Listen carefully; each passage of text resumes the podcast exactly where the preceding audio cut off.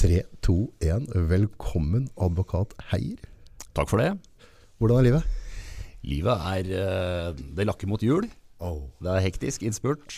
Det skal handles juletrær. Eh, De siste eh, polbesøket Da snakker vi ikke Sydpolen. Det er mye som skal løses. Er du, er du i rute med gaver og sånn, som mannfolk flest? Alt er i orden, ferdig pakka, navnelapper? Som eh, mange heldige mannfolk så har jeg eh, noen som hjelper meg med dette. Ja, jeg, skal, jeg skal innrømme det. Ja. Er ikke Så det godt? det er stort sett eh, Det er under kontroll, men det er ikke min fortjeneste. Nei. Jeg tror Derfor det er litt vanskelig for gaver for, for menn, er at vi, er, vi, er liksom, vi dytter litt på det, og så kommer jula, og så ha, Vår erfaring er at vi løper helt sånn desperat, og så ender på å kjøpe altfor dyre ting. Ja, det du gjør, altså Hvis ikke du har tenkt Ja, ja. gjennom hva du skal kjøpe, så blir det sånn Ok, vi tar den her, da. Så må du Ja, det er noe skit. Sånn er det. Du, jeg var, eh, var og bevitna, som du sier, eller filma et foredrag ut på um, Gran Hadeland. Ja. Og der uh, fatta jo interessen min veldig i forhold til det du snakka om der. I forhold til uh, den tida vi har vært inne i nå, da. Med, altså det, det, er, det er jævlig mye. Det, er, det skjer så mye. Det skjer mye i verden. Skjer mye på alle fronter. Ja, Vanskelig å forstå alt dette her.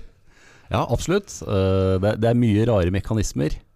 Um, og det er um, Man kan jo få en følelse av at det er mye som henger sammen med mye, uten Ja. at disse sammenhengene forsøkes forklart. Ja. uh, og uten at det er eh, som, som, noe, som var noe av mitt poeng på Lunder, var jo at uh, det er noen vedtatte sannheter som er vanskelig å debattere. Ja. Er det lov å debattere i dag? Altså, som, så, har de forandret? Altså, Formelt så er det lov å debattere. formelt så er det det. Ja, Så vi har det i Grunnloven ennå. Ja, De driver og forandrer litt på Grunnloven innimellom, gjør de ikke? absolutt. Paragraf Um, 100 har fått litt juling. Ja, Uh, og det er jo, eh, det er jo uh, for så vidt uh, mer en sånn symptom altså, For ikke å sitte her og drive grunnlovstolking og finjus, Nei. eh, så syns jeg det er interessant å bare se på Grunnlovens paragraf 100 sånn med et skråblikk, og bare konstatere at siden 1814 så har den eh, bare sånn Hvis du bare ser på den rent visuelt, så er den to-tre ganger så lang og full av forbehold. Ja.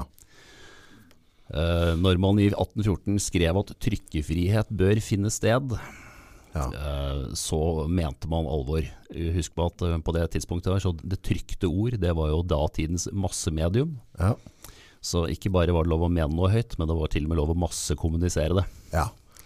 Det er det fortsatt. Um, og igjen, vi trenger ikke ta detaljer i Grunnloven nå, men, uh, men det er interessant å se som sagt, at den er blitt dobbelt så lang og full av modifikasjoner og forbehold, som er velmenende, men som innebærer at det hele tiden gjøres beskjæringer i ytringsfriheten. Men, det største, men som sagt, dette er mer et symptom enn egentlig juss, i den forstand at jeg tenker at det er et symptom på en mer sånn samfunnsutvikling. ja, for visse ting er det ikke greit å prate på Nei. mer. Nei, sånn at, sånn at um, du kan si at den, formelle de formelle begrensningene i ytringsfriheten er liksom ikke det største problemet. Det største problemet er jo de mer kalde sosiale, uformelle. Det å mene noe i sosiale, sosiale medier f.eks. Det er potensielt skummelt. Det er en veldig ensretting, og vi, vi mennesker er flokkdyr. Vi går i flokk. Ja. Eh, Og det å mene noe annet enn flokken, det er vanskelig.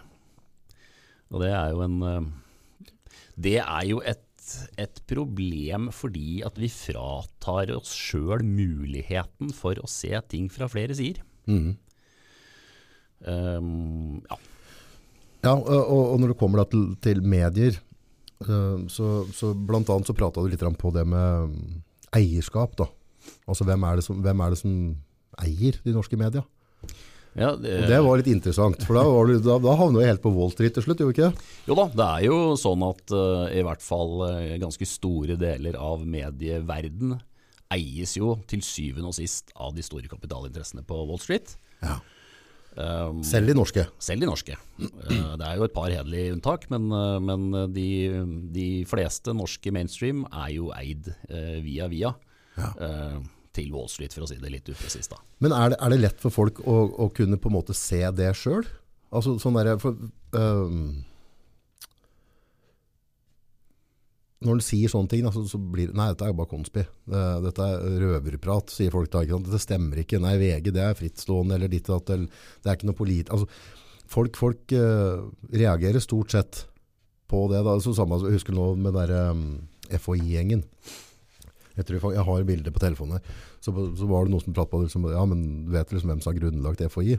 Og det, det, var helt, det, er, det, er, ikke interessant for folk. Det står liksom på et skilt på veggen i Oslo på FHI. Jeg tok bilde av det liksom, mens jeg sto der med tommelen opp. Det står liksom 'grunnlagt sammen med Rockefeller Foundation'. Ja da. Ja. Og, og, folk virker ikke, Det er ikke greit å si det. For hvis jeg sier det, at FHI har tilknytninger til den store kapitalen, så er jeg et svin. Absolutt. Men de har et digert messingskilt eller kobberskilt på ja, veggen. Ja, og danske Seruminstituttet, som jo er den, det danske tilsvarende, er jo akkurat på samme måte er det det? Eh, grunnlagt ja. eh, i samarbeid med Rockefeller Foundation. Ja. Og Bare... Nå behøver jo ikke det å være noe gærent i seg sjøl. Men, men, men, poenget i denne sammenheng er vel som du er inne på, at uh, det burde være lov å si det. Ja, uten at du blir kalt konspirateoretiker. Ja. For det blir veldig fort det. Ja. Uh, det er jo også sånn at uh, Gavi, nå husker ikke jeg hva den forkortelsen står for, men det er jo da et internasjonalt samarbeid eh, som jo eh, har sett det som sin oppgave å skaffe vaksiner til eh, verden. Ja. De har jo adresse i samme bygg som Folkehelseinstituttet, og finansieres eh, tungt av Norge, sammen med Bill og Melinda Gates Foundation. Så, som jo også investerer i legemiddelbransjen. Så det er noen blandinger her som er usunne, i hvert fall. Ja, det er jo det som er hele poenget nå, at, at det er jævla mye usunne blandinger. Ja. ja. Men du var litt tilbake i forhold til det med media og eierskap der. Var det der du drev og snoka litt? holdt jeg på å si? Altså, hvor, mye, hvor mye mener du, altså, sånn, hvis du går og ser, hvis folk søker, kan du gå inn på Brønnøysund og klare å spole deg tilbake til dette, eller er det skjult? Ja, det har ikke jeg prøvd, å, prøvd det veldig hardt. Hvis du går på proff.no, så kan du i hvert fall følge det til de norske holdingselskapene. Men eh, det er klart at eh, sånn, eh, for den vanlige mann så er det nok vanskelig å følge det noe videre. Ja. Så, det er litt spesielt, syns jeg da. Ja, er, så, sånn er nå verden, for så vidt. Da, at det å, å, å få, få, tak i selskapsstrukturene hele veien til topps er vanskelig. Så, men det er klart at i, i mediebransjen så kunne man jo kanskje ha ønska seg at det var. Altså, hvor, hvorfor ikke være åpent rundt dette? Det er, burde jo være helt udramatisk, da. Ja, det, ja absolutt. absolutt. Og jeg, og jeg, jeg syns det kanskje er at det er litt sånn Og det, det merker vi i den tida vi har vært inne på nå, som vi skal prate mer om, er jo at media har vært en veldig stor sånn influenser, da. I, I, hele opplegget her. Med, med å spre rett og slett frykt. Folk har jo vært nervøse. Jeg var nervøs sjøl. Altså jeg, jeg, trodde går vi, Er det ny svartedauden som kom? Altså det ble, det ble haussa opp, dette her. Det var veldig lite kritisk. Lite kritiske journalister, da, følte jeg.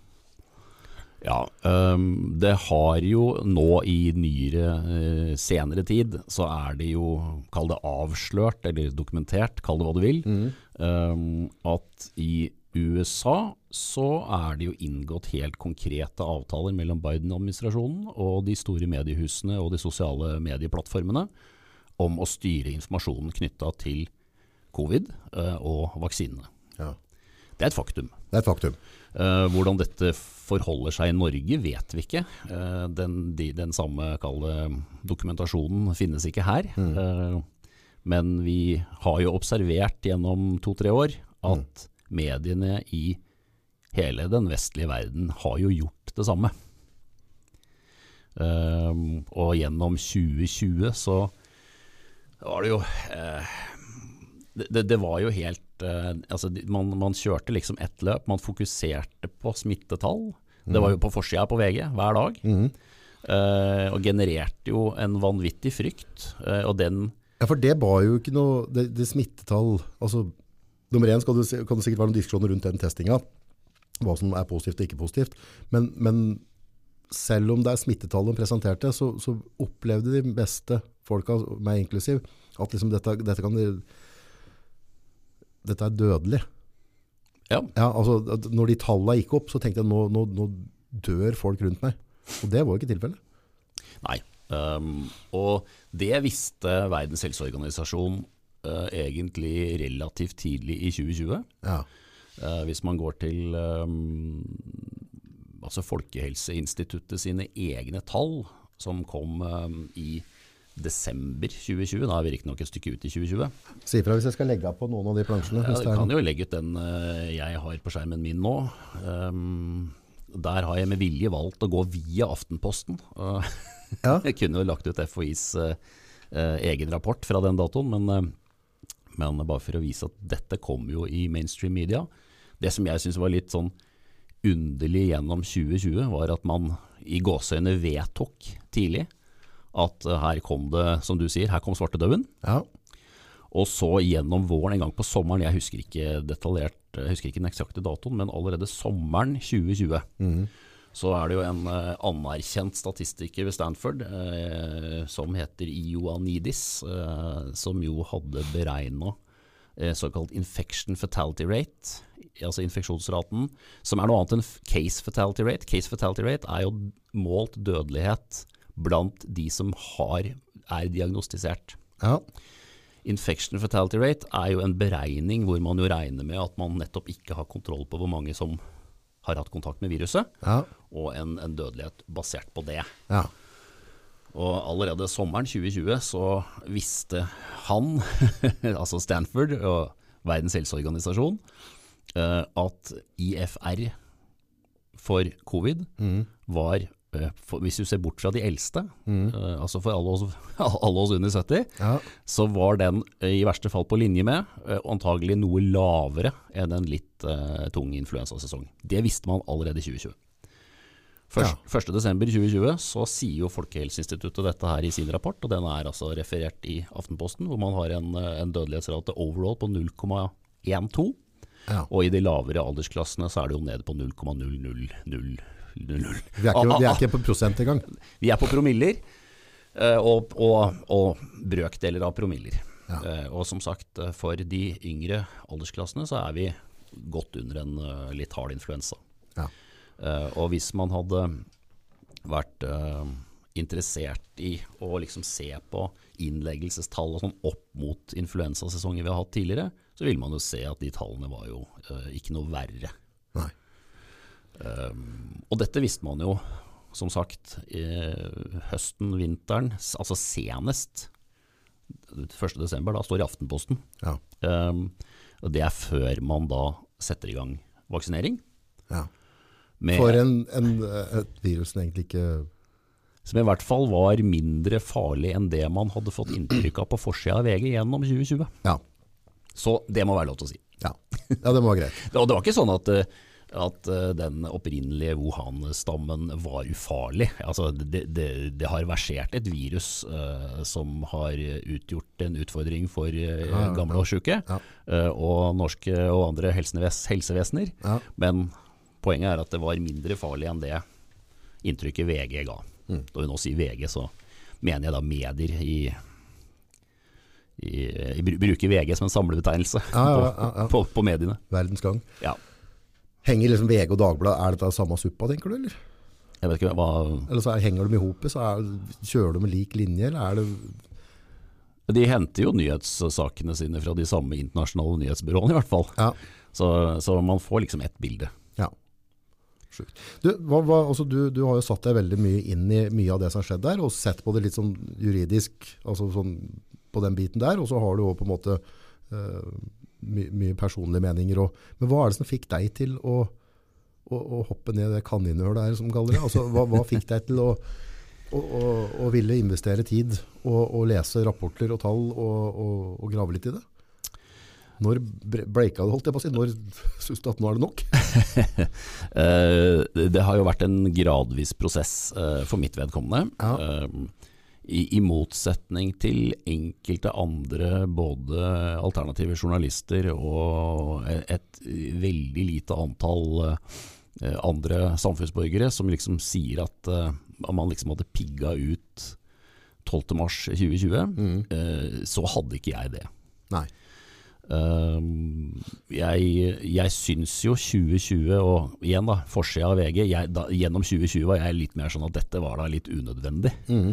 Uh, jeg hadde et sånn avslappa forhold til hele greia. Uh, tenkte at ja ja, litt, uh, litt hjemmekontor og litt hjemmeskole, det får vi bare ta litt sport i. Mm. Og så går dette seg til.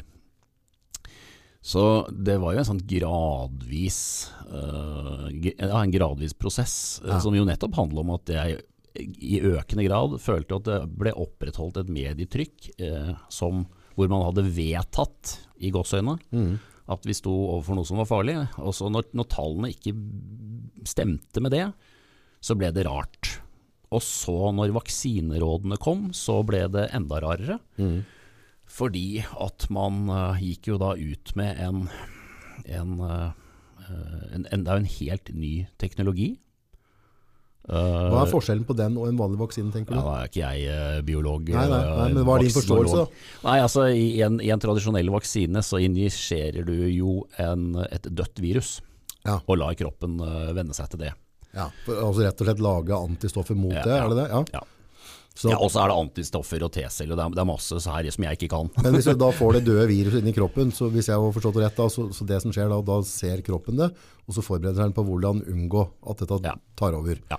Enkelt og greit. Enkelt og greit. Ja, men de, det de gir dem, er da ikke et levende, farlig virus som tar livet av deg? på en måte. Nå var det jo to løsninger. Eh, AstraZeneca og, og Janssen-vaksinen de var jo basert på en såkalt vektor, altså hvor man da holdt på å si syntetisk isolerte et protein, eller eh, koda et protein. Mm. Eh, som da ble sendt inn i kroppen eh, med noe sånn nanopartikkelteknologi som jeg heller ikke kan, nei, nei, nei. Eh, men, men som, som, har spredd dette. Jeg kan komme tilbake til akkurat det. Men mm. mens da mRNA-vaksinene, da injiserer du jo en genkode som skal få den muskelen du setter sprøyta i, til å lage den piggen som skal ligne på overflata til viruset, og så bekjempe den. Det vil si at du produserer da denne, gifta? Denne, denne, gifta, ja, ja. I, i, din egen kropp. Ja. Og så Ok, er det som er forskjellen, ja. Og det, dette var jo øh, Og da fikk jeg Altså, jeg har jo tatt, øh, holdt på å si, i gåsehudene alle vaksiner. Mm. Uh, både jeg og mine barn mm. har, har, jo gjort det, uh, med to unntak. Uh, jeg og kona vi tvilte oss fram til å ikke ta svineinfluensavaksinen i 2009. Mm. Um, og det var egentlig den samme Det var sånn ryggmargsrefleksen min når man kom med covid-vaksinene, var den samme som i 2009. At denne vaksinen kom da veldig fort mm. til markedet. Mm. Og igjen, jeg kan jo ikke dette her. Er ikke, nei, nei, nei. Det er ikke mitt fag i det hele tatt. Men, men jeg bare stussa på liksom tempo og tenkte at dette vil jeg vente litt med. Ja. Og så drev man jo da og kom med vaksineanbefalinger ned igjennom. at Man begynte jo med de gamle sjuke. Mm. Og hvis man leser ja, for det var det veldig mye prat på til å begynne med. Nå skal vi, altså de ja. risikogruppene, og så ja. plutselig så var det unga. Det gikk fort. Ja, ja øh, og, og, hvis man eh, leser dokumentene der nøye, så kan man jo få inntrykk av at det er litt lugging mellom Folkehelseinstituttet og Helsedirektoratet. Ja. Ehm, på hvor langt man egentlig skal gå ned. Uh, men på, i pressekonferansene så var det jo felles front utad, uh, og et samlet helsemyndighetsmiljø sto for stadig å jobbe seg nedover i aldersklassene. Det var når man kom til aldersgruppa 12 til 15. Mm. Uh, altså det, som sagt, det hadde jo vært en gradvis prosess hvor jeg reagerte mer og mer, men det var liksom dråpen eller prikken mm. over i-en. Uh, for når jeg leser den igjen med nok en gang med forbehold om at jeg, dette ikke er mitt fag, um, så skurrer det veldig. Mm. Uh, når man leser Jeg oppfatter at man sier at det er ingen helsemessig gevinst for de under 15. Mm. Uh, og formålet her er å redde bestemor. Det er ikke formulert på den måten. Men på det tidspunktet så var det jo skapt et uh, inntrykk av at uh, dette var dugnad, uh, og at vi skulle beskytte de syke og gamle ved at alle de som, som ut ifra sin egen motstandskraft mot viruset egentlig ikke trengte vaksina, skulle ta vaksina for å dempe smittetrykket. Ja. Og det har vi jo nå. Nå er det jo ingen som lenger påstår at disse vaksinene hindrer smitte, for det gjør det jo ikke. Nei.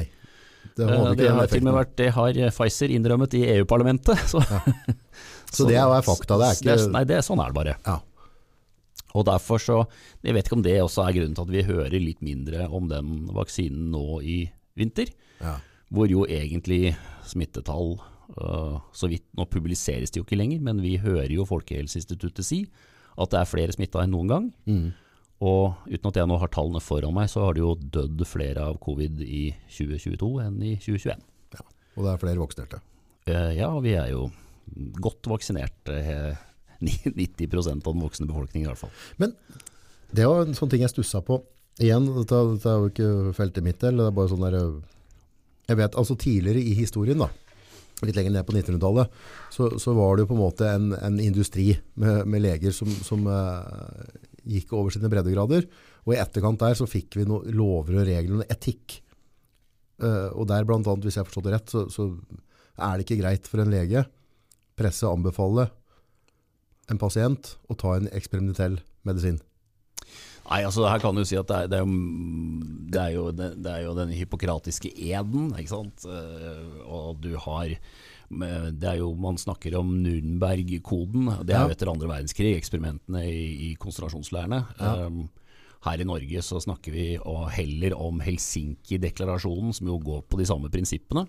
Men um, du kan egentlig bare gå i loven, og da begynner vi å nærme oss mitt felt. Um, hvis man eh, Skal jeg bla litt, for jeg tenkte jeg skulle finne en her eh, foran meg. Um, I lov om pasient- og brukerrettigheter så heter det at uh, en, all, all helsehjelp Ja, skal gis basert på informert samtykke. yes. Hva, hvordan kan du definere informert samtykke? Uh, da må man jo selvfølgelig at det, du kan bare ta lovteksten. For at samtykke skal være gyldig, må pasienten ha fått nødvendig informasjon om helsetilstand og innholdet i helsetjenesten. Ja. Så man skal altså forklares fordeler og ulemper, og så skal man si ja. Ja. Det, det er et eh, informert samtykke. Um, og det er nå min mening at um, det har man slurva med ja. i denne runden Det er jo en pen måte å si det på, da. Jeg prøver å si dette litt pent nå. Ja. Um, vi, jeg sier vi, opinionen ble ikke fortalt at uh, disse vaksinene var hurtigutvikla. De ble ikke fortalt tydelig nok at de godkjenningene som forelå var nødgodkjenninger. Altså eh, det var egentlig mye så- såkalte midlertidige markedsføringstillatelser. Eh, det ble, ikke, ble ikke fortalt.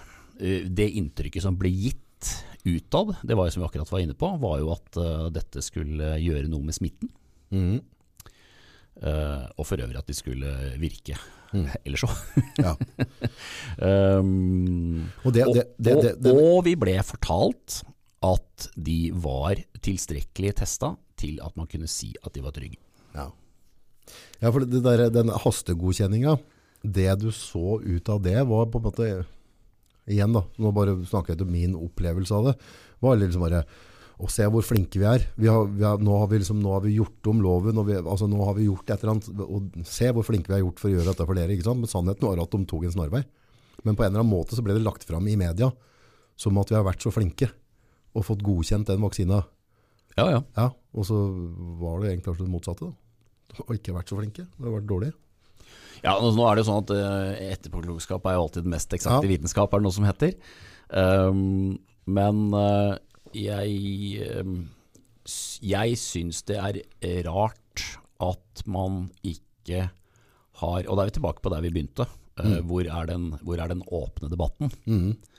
Eh, hvor, eh, hvor er rommet for motforestillinger eller kritiske spørsmål?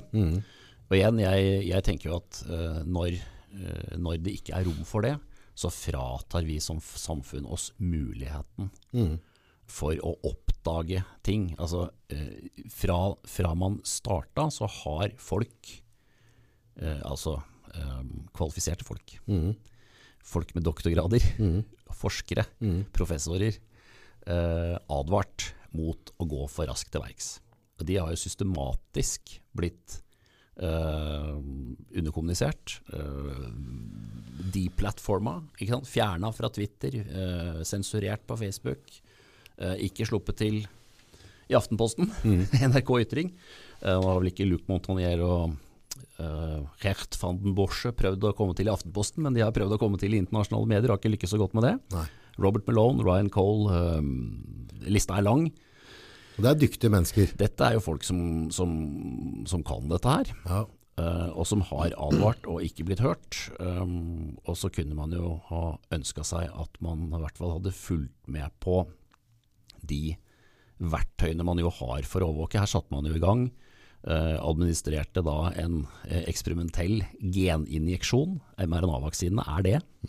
Så det forandrer på genene dine. Det for, igjen, dette er ikke mitt fag. Nei, nei, nei. Men det, det er i hvert fall noe mer enn en vanlig vaksine. Altså, Ja. det, er jo, det er jo litt omdiskutert i hvilken grad det gjør hvor hvor, hvor- hvorvidt dette kan uh, gjøre permanente endringer, men at, men at man tukler med og Det er jo en genkode som, Mm. som uh, injiseres. Um, så, så, og, og når man da begynte å vaksinere, så har man jo i Norge så har vi jo Legemiddelverkets eh, system for å rapportere bivirkninger. Ja. Du har det amerikan amerikanske VAERS, eh, du har Yellow Card Reporting System i UK. Verdens helseorganisasjon har en base. Audra Vigilance samler jo tall for hele Europa osv. Um, og det er jo sånn at eh, eh, bivirkninger rapporteres på mistanke. Mm. Så det er riktig som eh, helsemyndighetene sier, at en rapportert bivirkning, det er en rapportert mistanke, og er jo da ikke et bevis på at det konkrete tilfellet I det konkrete tilfellet så er det jo ikke noe bevis for at det er årsakssammenheng mellom mistanken og vaksinen. Det er, det er en mistanke. Ja. Uh, men så er det jo da sånn at uh, vitsen med disse systemene er jo å følge med på tendenser. Ja. Sånn at uh, hvis det kommer inn veldig mange mistenkte tilfeller av bivirkninger, så, så var jo i gamle dager så var jo meningen at man da tok en fot i bakken og så sa at oi, nå er det mange, mange mistanker her. Dette, dette må vi finne ut av. Så kan du si at har man på en måte gjort det underveis? Eh, fordi man har jo nå konstatert at menstruasjonsplager, hjerteproblemer, blodpropper, nevrologiske eh, lidelser mv. Mm. er jo eh, lar seg jo knytte til vaksinen, dessverre. Men, men, men allikevel da, så fortsatt, fortsetter man jo å opprettholde mantraet om at dette er helt trygge vaksiner. Eh, og man kjører lokomotiv rett fram, selv om da volumet av bivirkningsrapporter er gjennom taket. Ja, hvilken volum snakker vi om da? Nei, eh, skal vi ta um, Hvis vi tar uh, Vi kan ta de norske tallene per november 2022. Så er vi nå oppe i eh, nesten 61 000 bivirkningsrapporter. 61 000? Hvor er dette står Dette, skrevet? igjen? dette er jo Legemiddelverkets uh, Dette finner man på Legemiddelverkets hjemmesider. Det, de har Dette, jo- ligger, dette er offentlig? dette er offentlig. Ja. Dette, dette finner du som sagt legemiddelverket.no. Mhm. Eh, De har jo gitt ut bivirkningsrapporter hele veien. Ja. Altså de, de har gjort det som de jo skal gjøre. Ja. De registrerer bivirkningsrapporter og publiserer det. Ja. Eh, og det har, det, nå skjer det sjeldnere og sjeldnere, for er, nå vaksinerer vi jo ikke i det samme tempoet som vi gjorde en stund.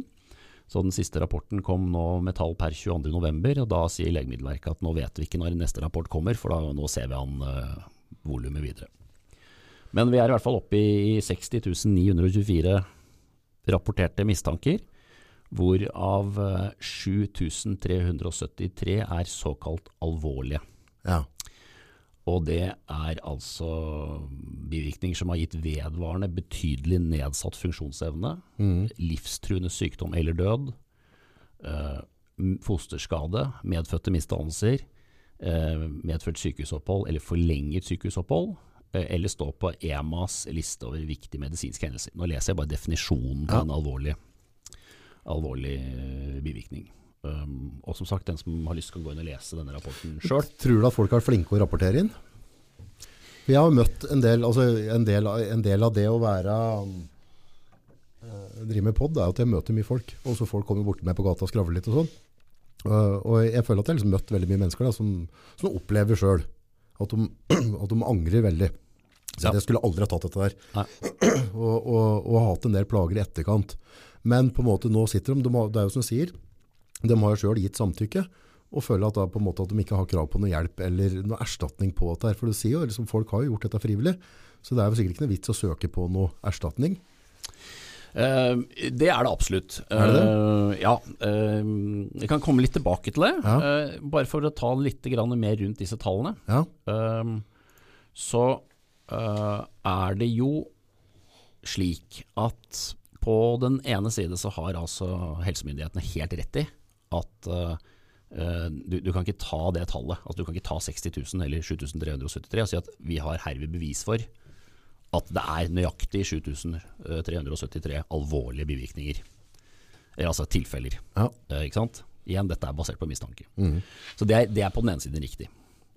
På den andre siden så er det uh, et uh, helt kjent fenomen uh, for helsemyndigheter verden over at eh, underrapportering av bivirkninger er betydelig. Betydelig sånn at du kan doble det vi ser nå i dag, tenker du? Eller er det sånn? Hvis man skal ta det veldig brutalt, så kan man 10 til 100-doble det. Altså Lasarus, oh. det er en kjent eh, studie fra 2010, har ikke noe med covid å gjøre, det har bare med bivirkninger å gjøre. Ja, Hvor man jo eh, da er regnet med at eh, registrering av vaksineskader kunne være helt ned mot bare 1 ja. Det er nok eh, å gå langt den andre veien igjen. Og så er det noen som opererer med estimater om at kanskje kan du 30 gang, ganger med 30 ganger med 40. Um, Ja, for jeg tror veldig mange, det virker som at av de folka jeg har møtt da, som har hatt noen plager på dette her, det er litt sånn, litt sånn lurende plager, så du vet egentlig ikke helt hvor du kommer fra. Men de fleste sier at det, det var, jeg opplevde det sånn etter, spesielt, veldig mange som etter den andre runda de tok. så, så er det den som møtte veggen der. Ja. Og så liksom, sånn, ja, hvor var det det, eller skulle jeg bli syk allikevel, var dette noe genetisk altså, vanskelig. veldig vanskelig. eh, og, det, og det, er jo, eh, det er jo nettopp derfor disse systemene er der. Ja. Uh, ikke sant? Um, Er vi flinke nok til å bruke de systemene i Norge? Er vi flinke nok til å rapportere, tenker du? Ja, altså Én ting er hva vi rapporterer. Jeg hører, og jeg, dette er jo ikke noe jeg har noe sånn statistikk eller bevis for, men jeg hører jo folk si til meg at det er vanskelig å få fastlegen eller andre med på at det kan være en sammenheng mellom diffuse plager um, og vaksine. Ja.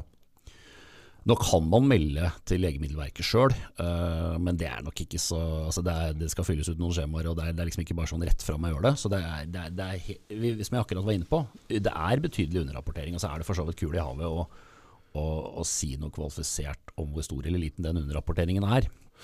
Men, men det er jo da igjen øh, disse øh, Altså vitsen med disse meldingssystemene er jo igjen å se på tendenser, og da er da jeg stusser. Men- For etter, eh, altså etter svineinfluensavaksinen Ja. så øhm, da, da sa jo Det, det finnes jo en NRK-artikkel om den, som stadig ligger ute. Har du noe der? Eh, Der eh, Preben Aavitsland går inn og sier at uh, dette var, Den artikkelen er fra 2013, men da hadde man da en størrelsesorden 1400-1500 bivirkningsrapporter etter svineinfluensaen, ja. hvorav 548 var såkalt alvorlige. ja. Det var i 2013 eh, en vaksinekatastrofe. Det, det er katastrofe. Det er Preben Aavitslands ord, ikke mine. Nei. Uh, jeg syns det er krevende å forstå hvordan uh, hvis, hvis du har neste på oppe Han står oppe nå. Ja. Uh, Svineinfluensaen 1499 bivirkningsrapporter, 548 alvorlige og 17 dødsfall. Meldte, altså årsakssammenheng er ikke påvist i hver enkel, Nei. men det er de meldte, det er, det er tendensen. Det var en katastrofe. Mens 60 924 meldte bivirkninger i denne runden her, eh, 7373 alvorlige og 268 dødsfall, det er av en eller annen grunn greiskuring. Ja. Jeg syns det er utfordrende å, å se hvorfor det er sånn. Men jeg tror, jeg, igjen nå tror jeg å snakke med ræva, men jeg tror at så skal jeg forsiktig å tro, men jeg får lov til å tro hva jeg vil. Jeg tror at mange av dødsfallene som kunne ha vært rapportert der, ikke har blitt rapportert, for at det har stått leger der som ikke har villa gå inn og si at dette er en vaksineskade, for at de da òg blir hengt ut. Jeg har òg prata med noen leger som har vært veldig klare på at, at de, har, de, har, valgt å ikke ta den sjøl. Og, de, og de, de blir frøset ut og er i fare for å miste brød og mjølk. På, ja. Ja. Så, og det, det, er liksom også, Jeg vet ikke, men det syns jeg hørte, men det kan jo igjen. det var tull, men At det er et eller annet sånn når leger skal rapportere inn eh, sånne typer skader, så får de da en kompensasjon av staten for å fylle ut de skjema, men det var ikke lagt til rette for i den runda her. Så at de måtte da sitte på kveldstid eventuelt og bruke fritida si på å sitte og fylle ut. Og at motivasjonen ikke var så høy. Men om det stemmer eller ikke, det vet jeg ikke, men jeg har hørt noe i hvert fall det. da. Nei, det, det, det kjenner ikke jeg til heller. Um, så, men, men, for n-te gang uh, det, Jeg har oppfatta at vitsen med disse systemene Og, og, og det er jo det, det er slik de har blitt brukt før. Mm, mm. Um, og det er jo um, Asim Malhotra. Doktor Masim Alhotra ja. er en anerkjent kardiolog. Ja. Han er aktuell i, i, i, Storbritannia i disse dager. Han har jo kommet ut med en eh, en fagfellevurdert artikkel. Den er delt i to, så jeg har forstått to artikler. Men uh, han har etter at faren hans Altså han, han, uh, han Malhotra han tok to vaksinedoser. Mm. Eh, promoterte vaksinene i England mm. i fjor, eller året før. og så døde faren hans, etter hans oppfatning, av vaksinen. Ja. Og så har han brukt ni måneder på å gå gjennom det forskningsmaterialet som finnes. For det, det finnes ganske mye forskningsmateriale som uh, vi ikke hører om i, i VG, da, for, ja, ja, for, å kalle det det igjen. Uh, om bivirkninger og sammenhenger uh, osv. Det er altfor detaljert å gå inn i det her nå. Men uh, han har fått taletid i det britiske parlamentet, uh, hvor, hvor, det nå er bevegelse rundt dette. Så Det blir litt spennende å, å følge framover. Men han sier jo nettopp det, at det er jo helt sprøtt. For det, det er jo det samme man gjør både i Norge og i USA og England overalt. Så det er jo helt sprøtt å nå avfeie disse eh, bivirkningstallene. Mm. Eh, fordi de bare er basert på mistanke. Fordi vi har jo alltid anvendt disse tallene til å se på en tendenser, så hvorfor gjør vi ikke det nå? Mm. Ikke sant? Hvor hvis man tar VAERS, da, nå tar jeg litt et sånt på, på husken her, men uh, hvor, hvor årlige antall rapporterte vaksinedødsfall har ligget i størrelsesorden par 300. Mm.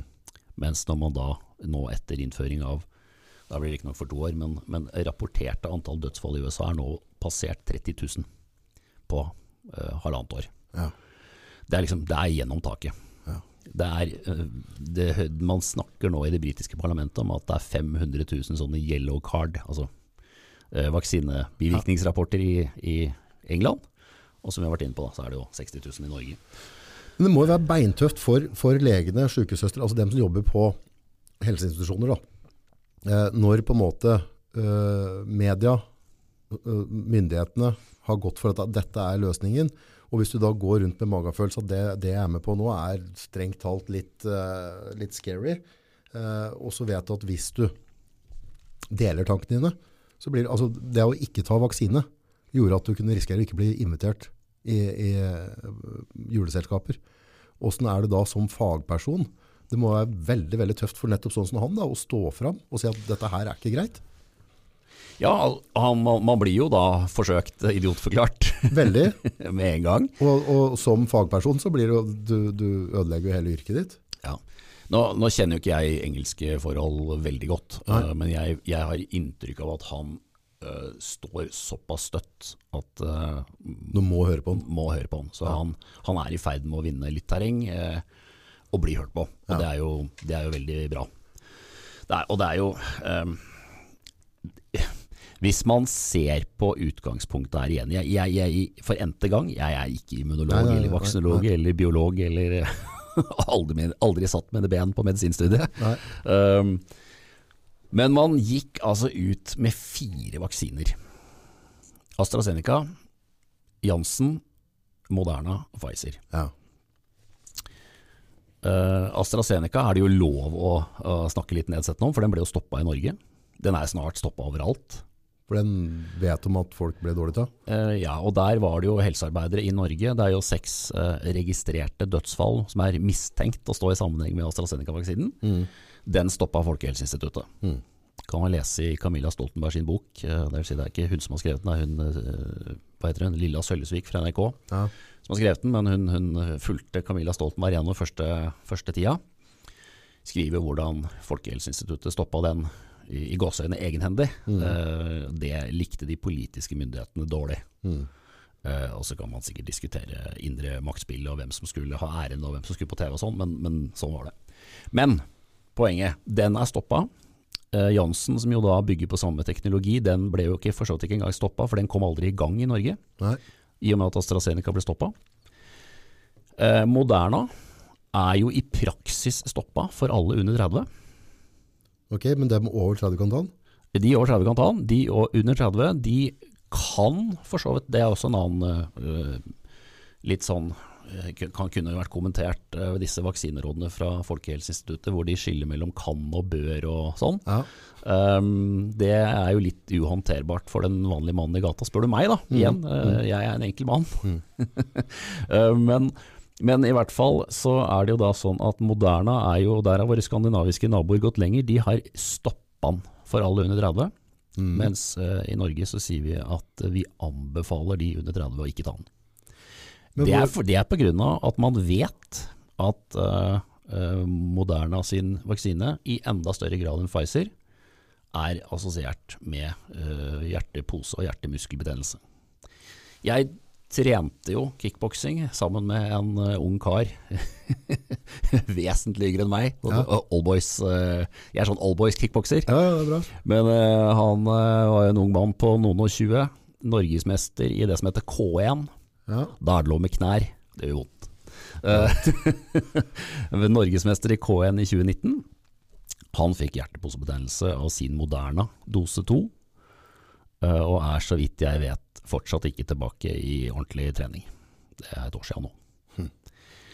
Um, men, men som sagt, altså, så vi står altså tilbake med av opprinnelig fire, så står vi tilbake med én og en halv uh, vaksine. Jeg syns jo det er et signal i seg sjøl. Ja, for da er det noen som har gjøget oss, eller ikke snakka sannferdig eh, på de to og en halv andre. da. Altså, for et eller annet tidspunkt så ble vi anbefalt av myndighetene, og så har de gått tilbake igjen på det. Så hvorfor skal vi høre på det siste da? Nei, det kan du si, og jeg, jeg igjen da, uh, jeg syns i hvert fall det er litt eh, vanskelig å forstå. uh, at man da stoppa svineinfluensaen etter uh, 17 uh, rapporterte mistenkte dødsfall. AstraZeneca er stoppa etter 6, mens Pfizer er nå oppe i 242 Dødsfall? og dundrer videre på, på femte gir. Ja. Ja, jeg forstår ikke det. Nei. Nei, det er jo lov å ha problemer med å forstå det. Ja. uh, og um, når man satte i gang vaksinering, så vaksinerte man jo de, nettopp de syke og de gamle. Uh, og de 100 første rapporterte dødsfallene kom veldig fort. I løpet av bare et par måneder. Da satte Legemiddelverket ned et arbeidsutvalg som skulle se på de dødsfallene. Eh, og de kom fram til at disse som nå hadde dødd, de var nettopp uh, gamle og skrøpelige. Eh, så det, det, det kan sikkert være en plausibel forklaring. Men, men det er jo da fortsatt krevende for meg å skjønne de 100, neste 142, da, bare for å ta Pfizer alene. Eller det er jo til sammen 268. Eh, men, men for når man da fortsatte å vaksinere ned gjennom aldersklassene, Mm. så er det jo, til, det er jo hele tiden rapportert flere dødsfall. Eh, nå husker jeg ikke i forbifarten hvor mange det er som er rapportert under 60, og det er ikke, de, de fleste er godt voksne, for all del. Mm. men det er jo et tjuetalls eller noe sånt under 60. Så vi er i hvert fall på nivå med svineinfluensavaksinen. Mm. Eh, og igjen, eh, jeg, jeg syns bare dette er litt vanskelig å forholde meg til, rett og slett. Jeg syns det er eh, eh, utfordrende at dette ikke har noe oppmerksomhet. Men altså motivasjonen da, til voksne, altså jeg skjønner jo på en måte, men så, har, har, du, har du noe mer info? For det, den, synes jeg, når, når dette braka løs da, så var det en veldig mediedekning, spesielt fra Italia. Der, altså, der måtte de lage massegraver. Folk døde jo, altså jeg så jo filmer, det var, det var lastebiler med, med lik som kjørte rundt omkring. Og det var totalt, folk fløy rundt i sykehuset og grein. Og sånn ut ifra, jeg vet ikke om det var mange, 10-20-30% av den italienske befolkningen som døde, eller hva, hva skjedde. For jeg så i hvert fall på nyhetene at det var At det var konvoier med lik. Så der må det jo være en ganske stor andel av Italia som døde da, i, i starten på, på, Ja, og dette er jo en annen diskusjon, uh, som er dette dør du av eller med, Ja. ikke sant? Uh, og nå, nå må jeg ta dette veldig på sirkan, uh, for jeg går ikke rundt og husker de eksakte tallene, men jeg mener å huske at Italia opererte med et uh, antall covid-døde på i størrelsesorden 130 000 Ja. på et tidspunkt. Ja. Og så en gang i fjor, og det kom heller ikke på forsida av VG, så når man da rydda opp i de som døde med covid og de som døde av covid, så var de nede i størrelsesorden tre. Tusen? Yes. Okay, ja. Det er noe lavere. Ja, for, for den tanken var litt den jeg så, for det var Altså igjen da, altså jeg lager jo film, så jeg vet jo at det går an å dramatisere, men det kanskje det vi er frem til. Altså, var, var dette hypa opp litt? Altså, for poenget er at hvis du eh, stenger du ned likstua og ditt og datt og styr og stell, så, så er det jo fortsatt en, en he, altså, Dødsfall er jo en industri. Det er, det er jo på en måte kropper som skal behandles. Og hva, hva skje, altså, for det jeg så på film der, det, det var jo helt altså jeg, Derav jeg trodde det var ny svartdauden eller spanskesjuka som var på tur inn døra.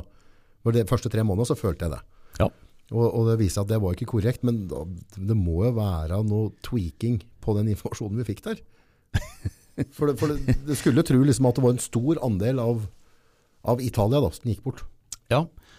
Nei, og, og da er vi igjen tilbake til eh, der vi starta. altså eh, Hva skal jeg si eh, Hvorvidt noen har tvika, det kan jo ikke har vi jo for så vidt ikke noe grunnlag Nei. for å påstå. Men, men at man har, og det er det grunnlag for å påstå, at man har aktivt underkua motforestillingene, Ja. det er et faktum. Ja. Eh, og med det så har vi jo da tapt muligheten eh, for å diskutere dette balansert. Eh, og da har vi også tapt muligheten for å hindre oss selv i å gå inn i en sånn masse hypnose, mm. nærmest, hvor man, jo, hvor man jo går rundt. Og jeg tror de fleste, jeg, jeg tror de fleste journalister og byråkrater og leger og advokater og alle, alle, alle, alle mennesker. Ja. De fleste mennesker er ærlige og oppriktige mennesker som gjør så godt de kan. Ja, ja. Um, men jeg tror at man har havna inn i en hypnose. Uh, hvor man jo nå ikke evner å se motforestillingene fordi vi har underkua dem fullstendig.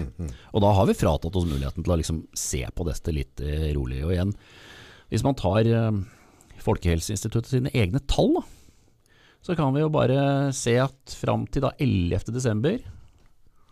så er det registrert 4571 covid-assosierte dødsfall.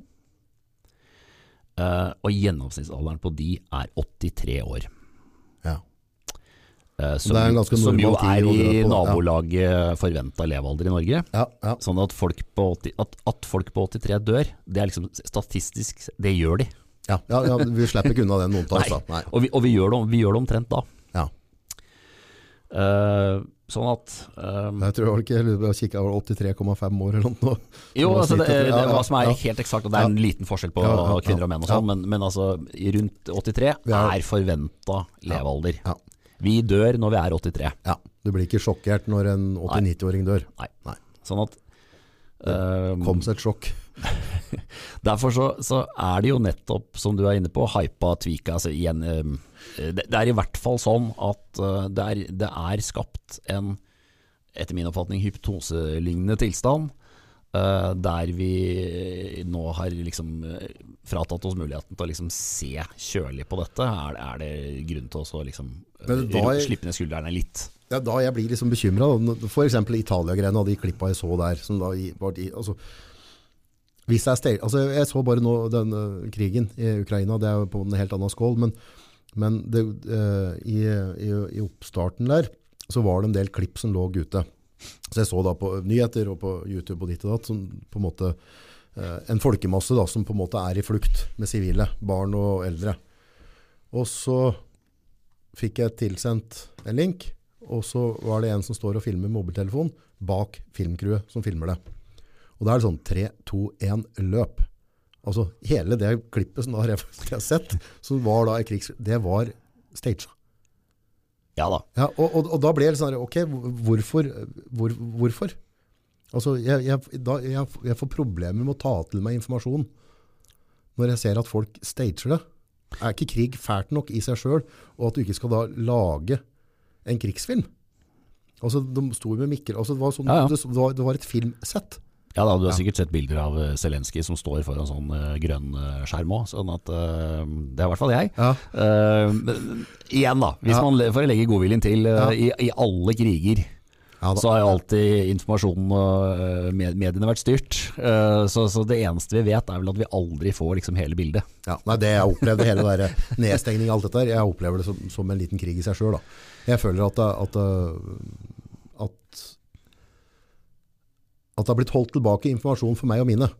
Så vi har, Informasjon har blitt styrt. ja, og det er ikke greit. Det er en krigføring i boka mi. da. Og uh, for oss som fulgte pressekonferansene gjennom 2021 uh, og hører myndighetene snakke, så gir de jo inntrykk av at vi skal vurdere. Mm.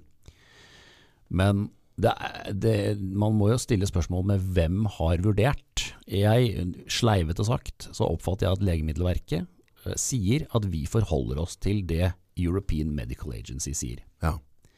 som igjen forholder seg til Verdens helseorganisasjon, og den som rent faktisk har, for å gå helt tilbake til godkjenning av vaksinene, Mm. det er jo det amerikanske FDA, Ja. Food and Drug Administration, som har gjort det. Ja. Og når de først har gjort det, så blir det bare dominoeffekt, så gjør de andre det. Det er gullstandarden, liksom. Jeg, har, jeg tror ikke, nå får jeg si jeg tror ikke, ja. at Legemiddelverket har gjort veldig eh, forsøk på å tenke gjennom dette sjøl. Eh, og når man også da ser på tiltakene Two weeks to flatten the curve. Jeg sier det på engelsk fordi at «Flatten the gidder eh. Jeg fordi, fordi at, kvalm bare du eh, sier det. Poenget er at dette var jo ikke noe man fant på i Flatten Norge. Ja, men det, dette var, var ikke noe man fant på i Norge. Jeg kjenner det blir uvelt, dette her. Ja. Men, men? For hvis man ser alt som er gjort, så er det blitt gjort, gjort helt likt. Mm. Overalt.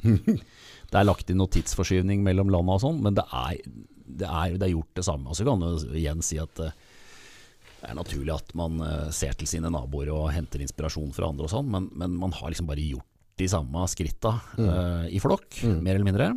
Uh, igjen i, basert på et informasjonsgrunnlag som, som du og jeg sitter igjen med en følelse av at er styrt. Ja, ja for, for poenget er jo altså hvis det er uh, motivasjonen da, for at vi skal flate ut den kurva, var 130 000 døde i Italia, og så kommer det ut, Italia kommer ut selv med rapporter nå og sier at det var kanskje 3000. Ja. Så, så har vi jo blitt fora med feil nyheter i det vi skal flate. Hvilken kurve er det vi skal flate ut egentlig? Ja, nei, uh, beats me. Jeg vet ikke. Ja. Uh, Er det ingen som skammer seg, tror du, på VG og sånne ting? Eier de ikke skam? eh, dette blir jo en spekulasjon, men eh, Skal ikke jeg dra det? jeg, jeg har nok en følelse av at det kan sitte både journalister og byråkrater og andre som kanskje lurer litt på om, om og når skal man liksom vri litt på dette. Mm -hmm. uh, og, og jeg, ser ikke, jeg ser ikke bort fra at nyhetsbildet kommer til å endre seg de neste par åra. Rundt, rundt akkurat dette, i hvert fall. Mm.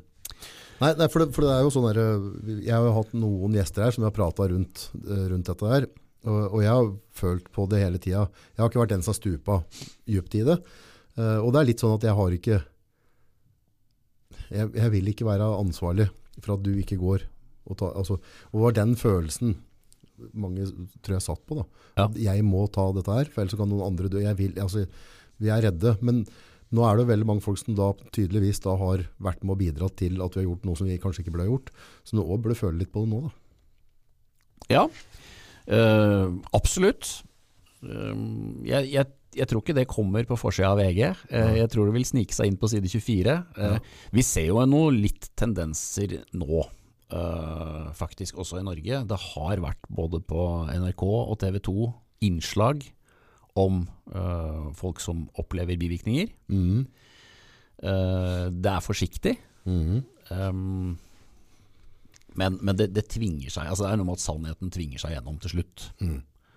Um, men, men vi er jo nok fortsatt der at eh, det holdes et slags lokk på dette. Og det som opptar meg nå, uh, holdt på å si i, nå om dagen og, og framover, det er jo um, at det um, ikke nå må holdes lokk på, eller at man nå si, må motvirke eh, og hjelpe de som har vært med på dugnaden.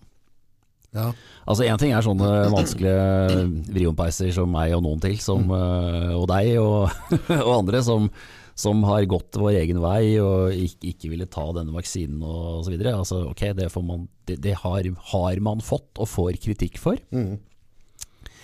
Men eh, det er jo da faktisk sånn at ganske mange, altså vi har jo snakka om disse tallene nå, 7373 eller, eller noe annet. Vi, vi vet jo ikke tallet, men, men at det er mange, dessverre, som har stilt opp, som har gjort det myndighetene ba om. Man har tatt vaksinen, eh, man har vært med på dugnaden. Og det er jo ikke rart med den informasjonen de fikk. Nei, og, Nei. Så nei, hvis ikke du er vant til å søke litt utafor der, så er altså, det, er- det, er, det er verdens mest riktige ting, og verdens mest naturlige valg, er å gjøre nettopp. det Erna Ja. sa. Det var bare jeg som reagerte, for jeg tenkte at den dama tar jeg ikke helsetips fra. Faen for en rollemodell. ja, det kan Hun eter seg. For å ta igjen en liten parentes. øh, vi, vi vet jo at risikofaktor nummer én for å komme dårlig ut av covid er fedme. Ja, Ja. Det er ikke lov å prate om fedme mer, tror jeg. Nei, Nei. men det, det var allikevel litt spesielt å sitte og se det TV-innslaget hvor Erna Solberg sitter på pub og propper chilinøtter mens hun snakker om å innføre vaksineplikt. Øh, Jeg vet ikke om du så den på NRK i fjor. Nei, hadde jeg kastet opp, tror jeg. Eh, Ja, vi, vi drar ikke det noe lenger nå, men, men, Nei, men det- jeg- jeg- men det var underlig. Ja, ja jeg, jeg, mener det helt alvorlig. Altså, for, for fedme, eh, det er noe jeg må jobbe med sjøl hele tida. Jeg er veldig lett for å legge på meg, så jeg må mer eller mindre være, passe meg. Hele, altså, hvis, jeg, hvis jeg slipper tøylene og spiser det jeg har lyst på, så legger jeg på meg voldsomt. Så jeg må passe på hele tida, som Ja. alle andre. Det er noen, noen som er heldige som holder seg tynne. Men, men noen statsministeren hun skal jo òg være en rollefigur. Altså Du kan ta tak i Arne Northug som driter seg ut og driver og, og ruser seg og kjører og sånn. er en dårlig rollefigur for ungdommen. Men hva er Erna da? Hun skal ikke være rollefigur for mine døtre. altså. Gå rundt og er så tjukk at det går med krykker. Da slutt opp, Erna. Altså, mest sannsynlig så har hun penger nok, eller kokk... Altså, lag matpakke som alle andre. Det blir sikkert mye overtidsmat og seine møter i, i stortingskorridorene, så, men, men vi, vi får Ja, men da ta en halv sandwich. Altså, ja, men det, det, det var noe altså, med en gang altså, på svart-hvitt når jeg ser hun sitte og fortelle Glem det. Hun må i hvert fall se ut som hun ikke er sjuk, da, før jeg forklarer meg hvordan jeg skal ta vare på kroppen min. Ja. Syns jeg, da. Ja, ja. Ok, det er på meg. Ja, men, men i hvert fall så var det jo mange som, som, eh, som gjorde akkurat det eh, myndighetene stimulerte til. Ja, ja. Naturligvis. Og det var ikke noe feil ved det. Eh, heller. Og det, det var ikke noe feil med det, på ingen måte. Og, og, men nettopp derfor så syns jo jeg at det er viktig at eh, samfunnet nå stiller opp. Ja, Eh, altså, altså, ikke sant? Nå har man riktig eller ikke. Eh, altså, man kan diskutere hvorvidt, hvem visste, hvem visste ikke, hva, hvilke råd burde vært gitt, når skulle man stoppa altså, Man kan diskutere alt dette Ja, her. ja, ja. Men, men, men det er nå i hvert fall sånn at vi er der vi er. Eh, At eh, vi gikk inn i noe som av Verdens helseorganisasjon ble karakterisert som en pandemi. Mm. Helsemyndigheter verden over agerte som de gjorde, Mm. Eh, og befolkningene gjorde det de ble bedt om. Ja. Fair and square. Eh, og, og da tenker jeg igjen Én ting er jo da å, hva skal vi si eh, Kritisere eventuelt sånne som meg, som uh, ikke har vært enig. Uh, men, men det å uh, nå under Hva skal vi si under, underkue, begrense, legge lokk på de plagene som faktisk er der for de som har det. Jeg gjentar, Reelt for dem som har fått det. reelt. Vi vet nå, eh, Folkehelseinstituttet har bekrefta gjennom flere studier at menstruasjonsplager er Ja. en, en anerkjent bivirkning. Det som ja, bekymrer meg, menstruasjon, det, det handler om reproduktivsystemet. ja da, da. Ja, Det, det, det, er, det er litt krise. det er litt krise. Um, men det er jo også krise eh, altså det, det finnes jo studier Igjen, jeg, dette er ikke mitt felt, men, Nei, nei. jeg har lest om eh, studier, en fra Sveits, hvor man jo altså finner forhøyde Er det troponin eller noe sånt det heter? Hva det? Eh, Nei, det er et stoff som indikerer hjerteskade. Okay. Det finnes i veldig små nivåer, men forhøyede nivåer Ja. i den studien hos samtlige som tok vaksinen. Og uh, i størrelsesorden eh, 2,8 til 3% i den studien hadde nivåer som var på høyde med det som kalles subklinisk myokarditt. Det, vil altså, det er en hjerteposebetennelse der, men den, den blir ikke diagnostisert. Hjerteposebetennelse, hva er det egentlig? Er det, blir det en pose med betennelse på hjertet, eller er, er det så enkelt? Hjerteposebetennelse? Nei, altså, altså, du har jo det er myokarditt og perkarditt, altså hjertepose og hjertemuskelbetennelse. Ja. Altså det er hjertemuskel du får en betennelse i den, eller så har du denne Det er en, sånn hinne, eller altså igjen, dette er ikke mitt fag, da. Nei, nei, nei. en hinne utapå muskelen. Ok, Altså, ja, skjønner. Ja, så blir... Oss lekfolk imellom, du får en hjertebetennelse. Ja, Um, og den uh, kan vel forstyrre på to måter. En en kan gi um, hjerteinfarkt, tror jeg. ja, Men også at du kan få sånne rytmeforstyrrelser. Altså, det er noe holdt på- å si elektronikk der, ja, eh, som, som, som gjør at du kan få noen forstyrrelser som, som jo kan medføre at hjertet stopper. skjønner. Igjen, dette er utenfor mitt fagfelt. Men for å prøve å nærme meg mitt fagfelt igjen, da, Ja. uh, som jeg da prøver å, å, å si, si nå, er at vi, vi må nå ut til folk med informasjon uh, om at egentlig, det, det kommuniseres ikke så høyt, men vi har et system Mm.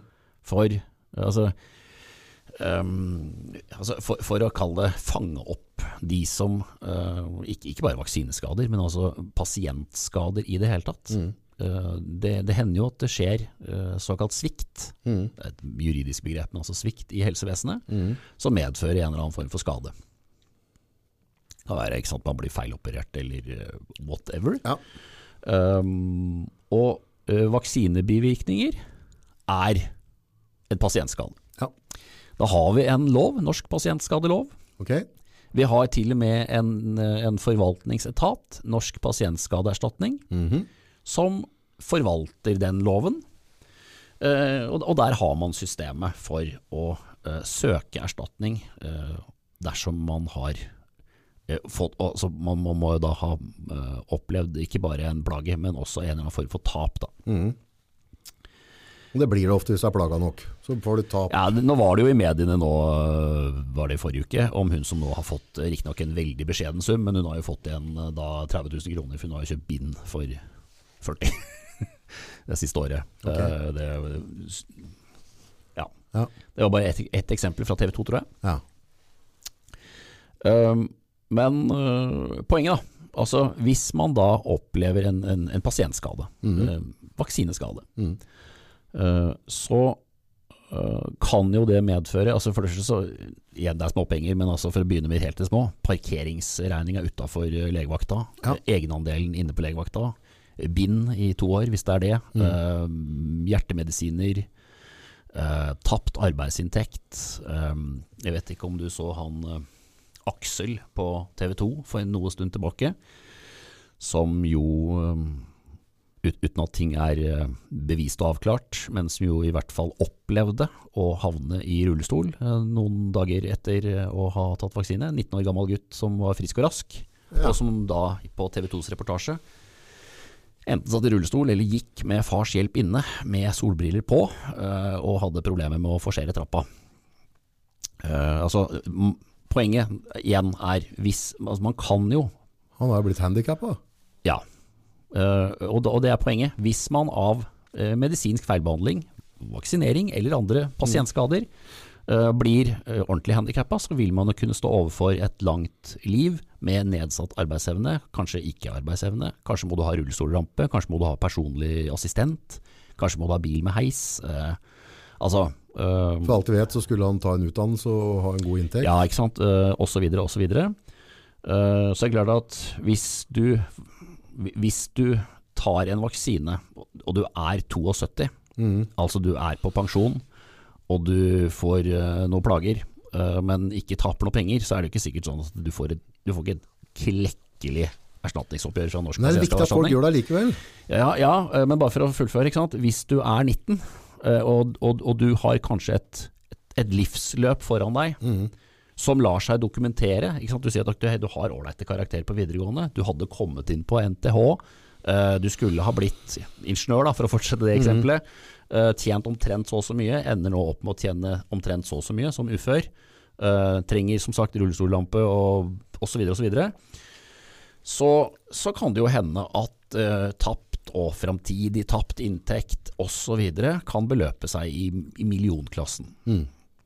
Eh, og så kan du si at, eh, og da er det jo mulig at det er aktivisten mer enn advokaten som snakker, men jeg som du er inne på, syns jo det er viktig at folk nå søker uansett. Eh, dels for å, å rett og slett synliggjøre.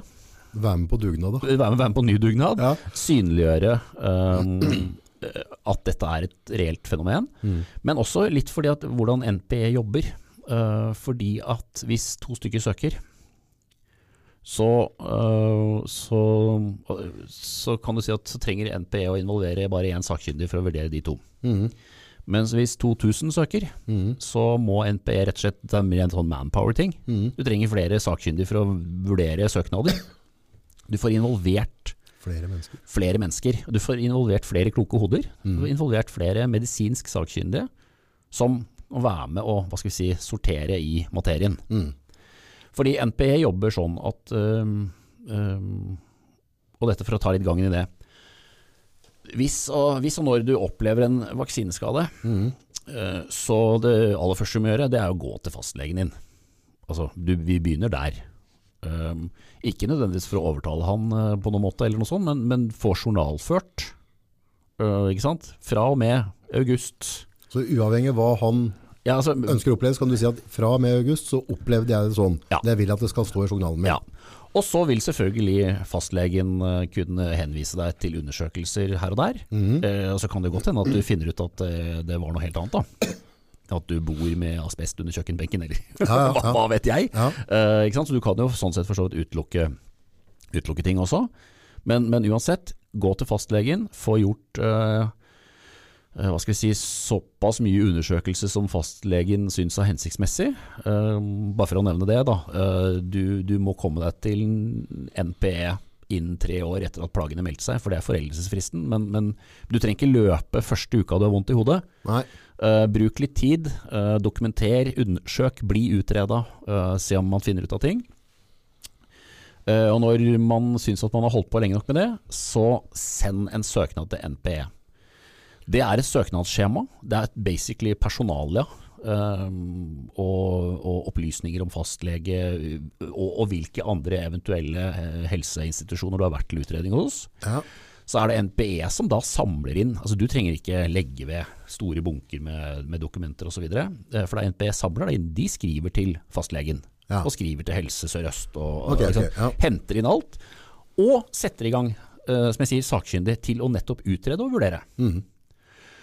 Eh, Og nå tror jeg vi skal være såpass realistiske at det som blir utfordringen nå, er jo at vi står jo overfor en, eh, en, en helt ny og ukjent teknologi, og, og vi står overfor? Det er jo vaksiner med ukjent skadehistorikk. Vi er, vi er liksom i, i startgropa. Ja. Så jeg skal ikke sitte her og si at den som nå sender inn et skjema til NP, får en stor pengesum uka etter. På ingen måte. Eh, Men i hvert fall, hvis, hvis alle nå som opplever plager og har hatt et minimum av kostnader, eh, sender inn, så får vi i hvert fall aktivert flere sakkyndige som må sitte og bla i journaler, eh, og flere kloke hoder til å tenke rundt dette. Men har vi, juridisk, har vi krav på noe juridisk hjelp da, hvis du opplever at det systemet blir vanskelig? Ja, og det er også viktig å, å få med seg at um, det å fylle ut det skjemaet, det må du klare. Det ligger her nå, eller? Det, det? ligger, nei, ligger ikke på, hos meg. Um, det har jeg et annet sted. men Det kan vi jo kanskje linke til. um, Ja, legge det, ja. Etterpå? Ja. Uh, jeg har laget en liten sånn huskeliste. Nice. Um, ikke om skjema som sådan, men, men egentlig det jeg sier nå. En sjekkliste. En liten sjekkliste. Yes. Gangen i dette. Det kan vi ordne en link som folk kan få tilsendt eller noe? Ja. Konge. Eh, sånn at eh, det er bare noen kule punkter, men eh, poenget er Du fyller ut dette skjemaet. Det kan du sende rett til NPE. Du kan sende det til oss også. Og så kan du legge ved Det er også et skjema om å bruke oss som fullmektig. Ja. Da jobber ikke vi gratis, men, eh, men hvis du sender dette skjemaet til oss, så, så skal vi kostnadsfritt eh, snakke med deg i en halvtime. Ja. Bare for om det er noen sånne råd og vink og hvordan veien går videre ja. og kan sende det inn for deg. Eh, det er kostnadsfritt. Det er kostnadsfritt. Ja. I hvert fall så behandler jo da NPE dette, mm, denne søknaden din, eh, og da skjer på en måte ett av to. Hvis noen sitter eh, og lurer da, oss, hvem er det? Hm? Oss, hvem er det? Hvem kontakter dem? Hvis Det, det, er, det, det, bare å presentere kun deg, og ikke ja, ja. ja. Det, det er jo da meg i advokatfirmaet Campbell Co. Ja. Eh, der er det Altså jeg er jo da Nå har jeg engasjert meg i dette, mm. eh, men jeg har også en god kollega som eh, holdt på å si uavhengig av akkurat covid-engasjement, mm. jobber med pasientskadesaker mye mer enn meg. Ja, Så vi er i hvert fall minst to. ja, så dere holder dere oppdatert på ja. Så, så vi er flere som, som kan jobbe med dette. Mm. I hvert fall. Det NPE gjør først, er jo å ta stilling til hvorvidt det er en årsakssammenheng. Altså hvorvidt det er grunnlag for ansvar. Og hvis du får ja på det, da Ja. først skal vi begynne å regne. Uh, og, og da er det sånn at hvis du får ja på Altså du får et ansvarsvedtak, mm. da er advokatbistand dekket videre. Og okay. så spør folk seg hvorfor trenger jeg advokatbistand da? Jo, det trenger du fordi at det å da øh, få beregna riktig erstatning, det er en, et lite fag i seg sjøl. Mhm. Og ganske viktig. det er ganske viktig, for det er liksom forskjellen på å få to parkeringsregninger og egenandel på legevakta, eh, kontra kanskje å få da uh, tapt arbeidsinntekt resten av livet. Eh, der finnes det jo et, eh, et, eh, et program som alle i gåsøene bruker. Alle advokater, alle forsikringsselskaper uh, osv. I alle, alle sånne sammenhenger hvor man beregner den type erstatninger. Det er, det er ett ett dataprogram som alle bruker. Det, det har vi. Mm. Uh, og vi har da eh, kompetanse på å liksom sortere i hva, hva hvor, hvor mye skal vi Hvor er du hen, Mm. uh, og, og hva har du krav på? Mm. Og den, den bistanden er dekka, så det er jo liksom ingen grunn til å ikke benytte seg av den. Mhm. Hvis du derimot da får avslag, mm. så er det mer kronglete. Nå har vi sagt at hvis man har sendt dette skjemaet til oss, og vi har sendt det inn for deg, og, og, og så videre, Mhm. og da er det jo vi som får dette svaret tilbake, så Og det tok du på det redskapet? den, den, den, den, og den holdt på å si første halvtimen, og det å sende dette inn, den tar vi. Ok, ja. Eh, Men når vi da får tilbake det svaret, og det svaret er nei, mm. så tar vi oss betalt. Mm. Eh, og da har vi, sier vi nå at vi eh, tar et beløp som tilsvarer fire timer på rettshjelpssats. Mm. Hva den er for øyeblikket, X-moms er ikke så farlig. Inkludert moms så snakker vi 5600 kroner. Men da, altså det, hvis dere da går videre for å anke det, er det da dere tar betalt, eller betaler betalt uansett hvis jeg får avslag? Eh, Nei, hvis, du, ja, altså, hvis du får avslag, så er det jo i seg sjøl å sette seg ned og se på det avslaget. Vurdere hvorfor er det avslått. Eh, Hvor, eh, skal man klage? Skal man ikke klage? Hvordan skal man i tilfelle klage? Den vurderinga, den, den må du betale for. Men den halvtimen før så ville du antagelig si til meg at dette tror jeg ikke du kommer gjennom i August. Det kan hende. Ja, så jeg, jeg, vil, det vil ikke Nei, men, men, eh, men, men jeg- du- bør være forberedt på, da, Ja. uh, på den kostnaden. Ja. For da tar vi en vurdering på eh, hvorvidt, og i tilfelle hvordan, bør dette legges opp videre. Ja. Men da kommer, derfra og ut er det umulig å gi noen fastpris, fordi at noen i noen saker så vil jo kanskje en, en enkel klage være å si at her har eh, Norsk pasientskadeerstatning anvendt bevisbyrdereglene feil. Mm. Det går an å si litt kort. Jeg sa, vi sa ikke så mye om det, jeg kan si noe om den bevisbyrderegelen snart. Uh, ellers så kan det være at vi ser at ok, her bør vi involvere fire egne sakkyndige, vurdere rapporter herfra til måneden. Altså, vi, vi vet aldri om det er to timer eller Nei, to ukers jobb. Nei. Men, men for dem da, for det er nå, nå om dagen så det blir både drivstoff og energi, det blir bare dyrere. Så, men kan de da ta på en måte, la oss si hvis jeg da, du hjelper meg å sende inn en, uh, og så får jeg avslag, kan jeg da på en måte si at ok, da ønsker jeg ikke å gå videre med det, Ja, ja. og så slipper jeg å få den regninga? ja du, Eller- du kan bare si nei, det gidder ikke. Ok, så jeg får spørsmålet. Ja. ja greit. Det var det jeg ville, Ja, folk vet at det, for, for folk er redd nå om dagen. Jeg vet ikke om du har lagt merke til men det begynner å bli ganske dyrt å leve. Ja. Huff, ja. Så, folk er litt, så det, det er, om du da går videre, og den fin er på fem, det er en frivillig greie som er Ja. mellom deg og klient. Da. Ja, skjønner. Og så, øh, da er det jo da aktuelt å klage til det som heter pasientskadenemnda. Eh, og der kan jo skje et av, holdt på å si et av tre. Eh, altså enten så får du uh, medhold, Mhm. Og saken er så oversiktlig at pasientskadenemnda utmåler en erstatning. Altså det kan hende at saken for pasientskade Norsk pasientskadeerstatning er liksom tilstrekkelig opplyst til at man vet omtrent hva den erstatningen skulle vært, men du bare får nei, for det var ikke grunnlag. Så kommer du til Pasientskadenemnda, så kan det hende at de sier at jo, det er grunnlag, og, og vi ser jo at tallet er 50 000 kroner, bare ta et tall rett ut av lufta, men ikke sant, så får du det. Eller så får du at vi ser at det er grunnlag, men tallet må beregnes. Da liksom rykk tilbake til der vi var i stad. Da har du advokatbistand innvilget for å sitte og regne. Kult. Eh, og så har du worst case scenario, det er nei. Det, og Pasientskadenemnda er enig i Norsk pasientskadeerstatning i at eh, du skal ikke ha erstatning. Mm. Da eh, kommer du an på kampviljen, for da eh, neste eventuelle skritt da, det er jo å saksøke staten for de ordinære domstolene. Mm. Um, det er selvfølgelig en, um, en tyngre affære. Veldig mange vil oppleve at de der har rettshjelpsdekning eh, på den vanlige innboforsikringa si, eller husforsikringa si. Altså, vi, vi har jo, mange av oss i hvert fall, har jo forsikringsordninger hvor det ligger rettshjelpselementer som vi kanskje ikke går rundt og tenker over. Og jeg kan ikke sitte her og si at alle har det, men, men i hvert fall uh, se nå etter. Ja. ring gjensidig og spør, eller Ja, altså ring ja. forsikringsselskapet ditt og hør. Um, de fleste av oss med husforsikringer har, vil ha rettshjelpsdekning Mm. der. Nå hører det med til historien at det er um, uh, Igjen, dette, holdt på å si for å begynne fra, fra scratch.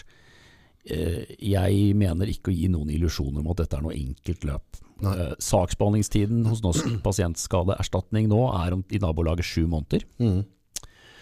Uh, og som jeg sa, jeg tror vi skal være forberedt på at dette er en sånn nybrottsarbeid um, som, som gjør at uh, jeg tror de sakkyndige miljøene skal også uh, venne seg til og, og, og lære seg hva som er kall det anerkjente og ikke anerkjente bivirkninger knytta til disse vaksinene. Uh, saksbehandlingstiden i pasientskadenemnda er, den har jeg ikke sånn, men den er minst like lang. Mm. Uh, så, så det er ikke noe quick fix. Og hvis du må til domstolene, så snakker vi jo potensielt år, hvis du skal gjennom flere instanser. Og, og den rettshjelpsdekningen din, den tar deg ikke gjennom tre instanser. Det, så dette må man være forberedt på. Mm. Um, dette vil det jo bli fortalt underveis, så det er eh, mer enn nok av muligheter til å hoppe av løpet her. Men, Ja. men vi, for den som er, har ressurser og vilje og, og sånn, kan jo holde på her i hårvis. Mm. Så, så på den ene side så, så er det viktig å liksom være nøktern og realistisk på at dette er ikke noe uh, enkel affære. Men uh, som vi sa litt innledningsvis, uh, det er dette som er løsningen. Altså, du får ikke noe erstatning noe annet sted. Um, du har ingenting å tape på å sende inn en søknad. Du har veldig lite å tape på en klage òg. altså, det, det, det, jo litt, det, det vil jo bli avtalt særskilt, men uh, det, det, det går jo liksom an å styre ressursbruken der.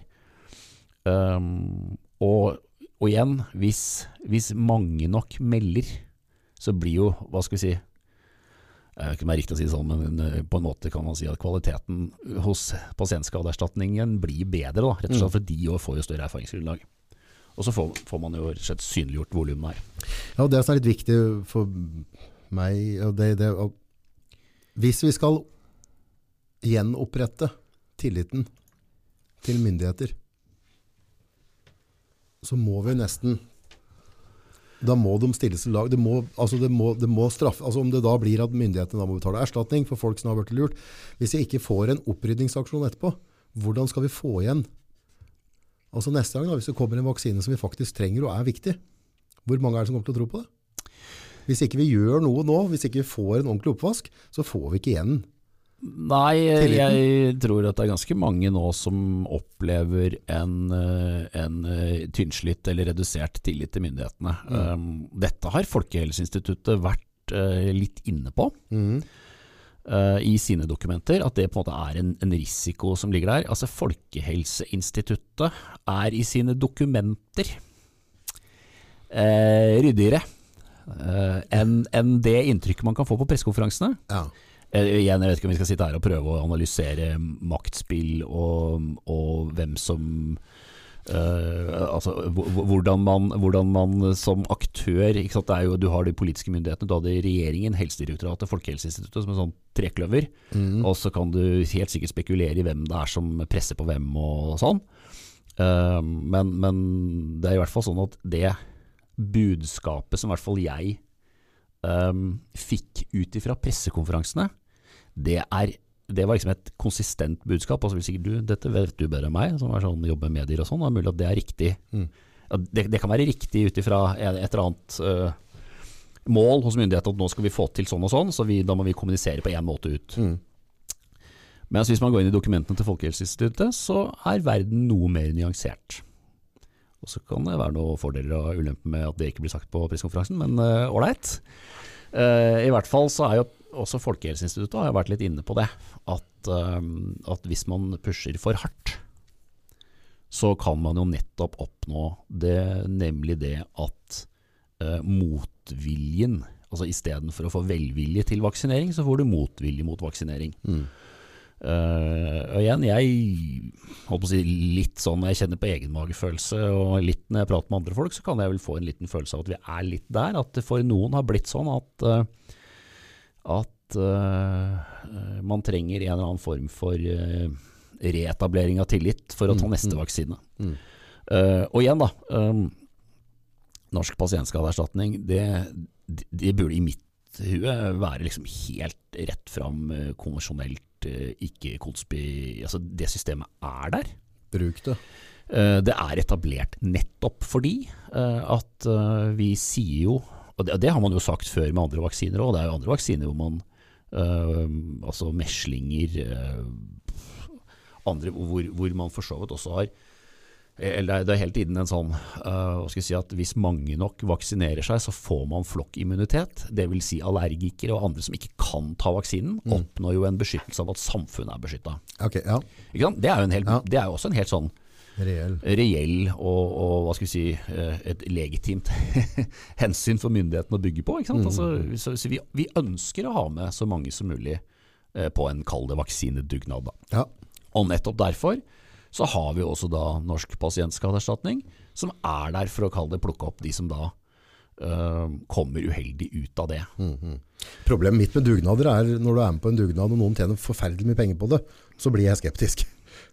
Ja, eh, Det blir litt sånn der, eh, det blir sånn, altså, altså, det er sikkert kjempebra, altså bøssebærere.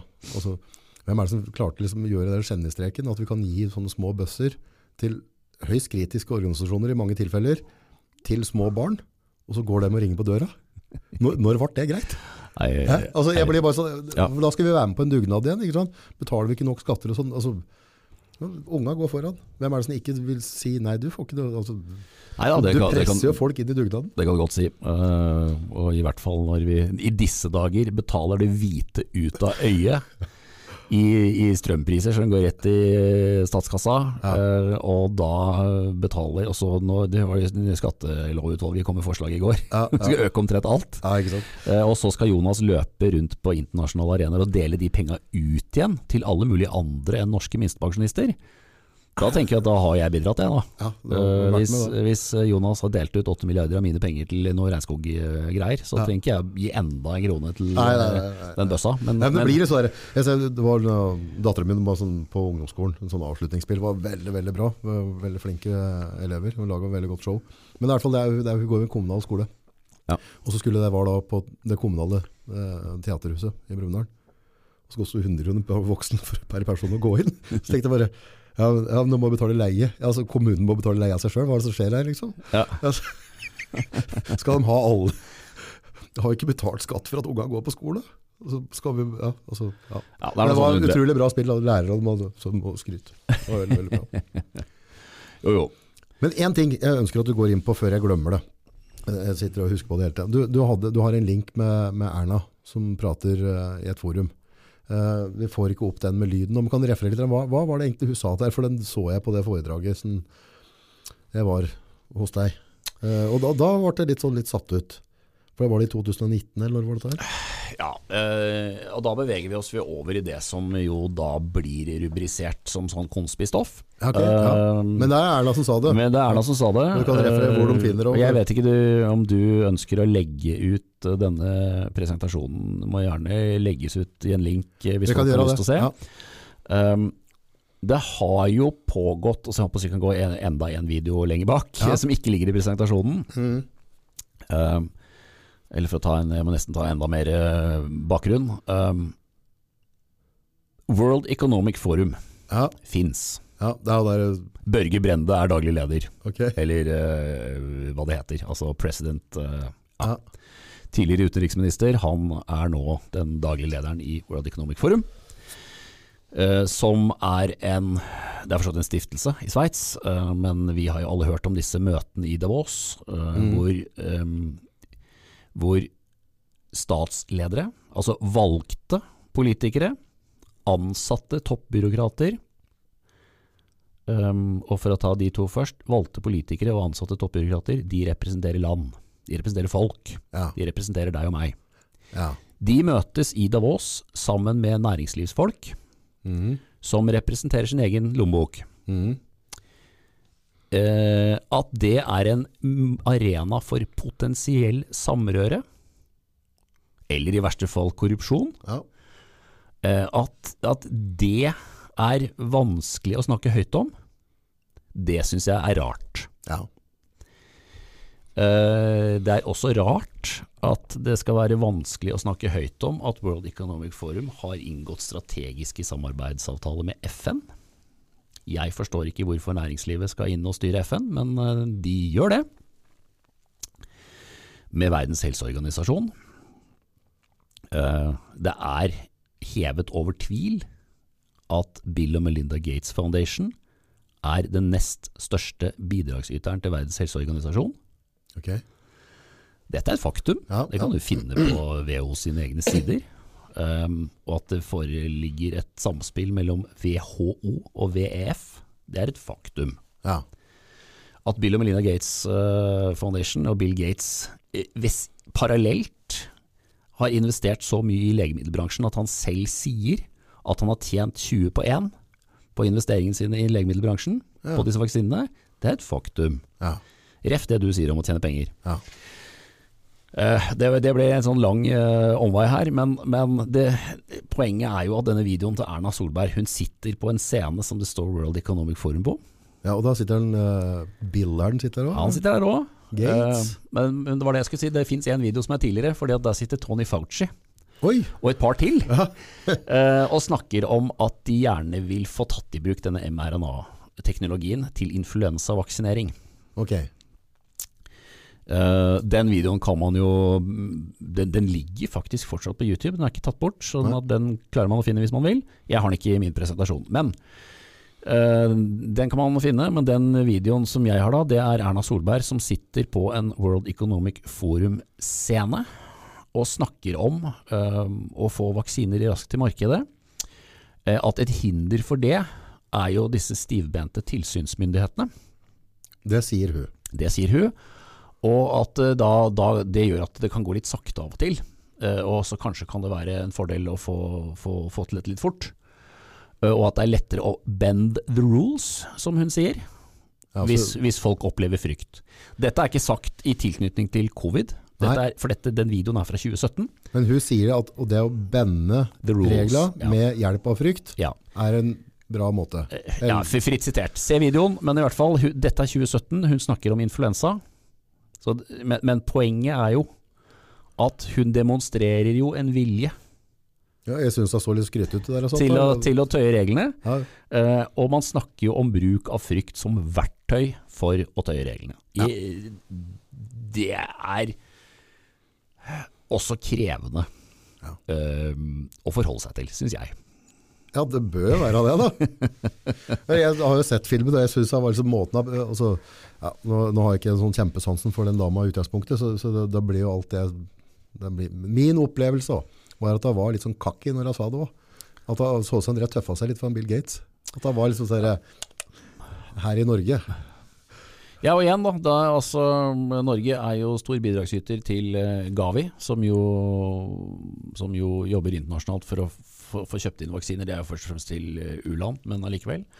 Og CEPI, som jo øh, jobber med vaksineinnovasjon. Og alt dette er jo øh, på den ene side fine og, og, og flotte formål, øh, men det er klart at det er fint og flott så lenge det skjer innenfor en ramme av trygg forskning og, og, og fungerende tilsynsmyndigheter. Problemet med, med alt, som, altså alt som har med økonomi å gjøre, men jeg tenker sånn her, når, vi, når vi snakker vaksiner som vi er dypt avhengig av å ha da, for at vi skal bestå som, som en befolkning, så, så bør det på en måte de store økonomiske oppsidene være fjerna. På en eller annen måte. Altså, det, det er på en måte noe som vært, myndighetene skulle ha, ha på en måte founders, altså, jeg, ja, jeg føler at, at, at den infoen som kommer da, i min retning, at det det er fryktelig mye uærlig der for at de rett og slett ønsker å, å ha, ha kunder. De tilpasser. Det er i hvert fall eh, et, eh, en utfordring Mm. at eh, disse kapitalkreftene ikke tøyles. Mm. Eh, nå går ikke jeg igjen rundt, jeg går ikke rundt og husker tall, men, men blant annet han eh, doktor Malhotra som jeg snakket om i stad, han skriver om dette i sin artikkel. Man kan se John Campbell sin YouTube-kanal. Han har en video om det jeg skal til å si noe om nå. Det er nemlig finansiering av tilsynsmyndighetene. Ja.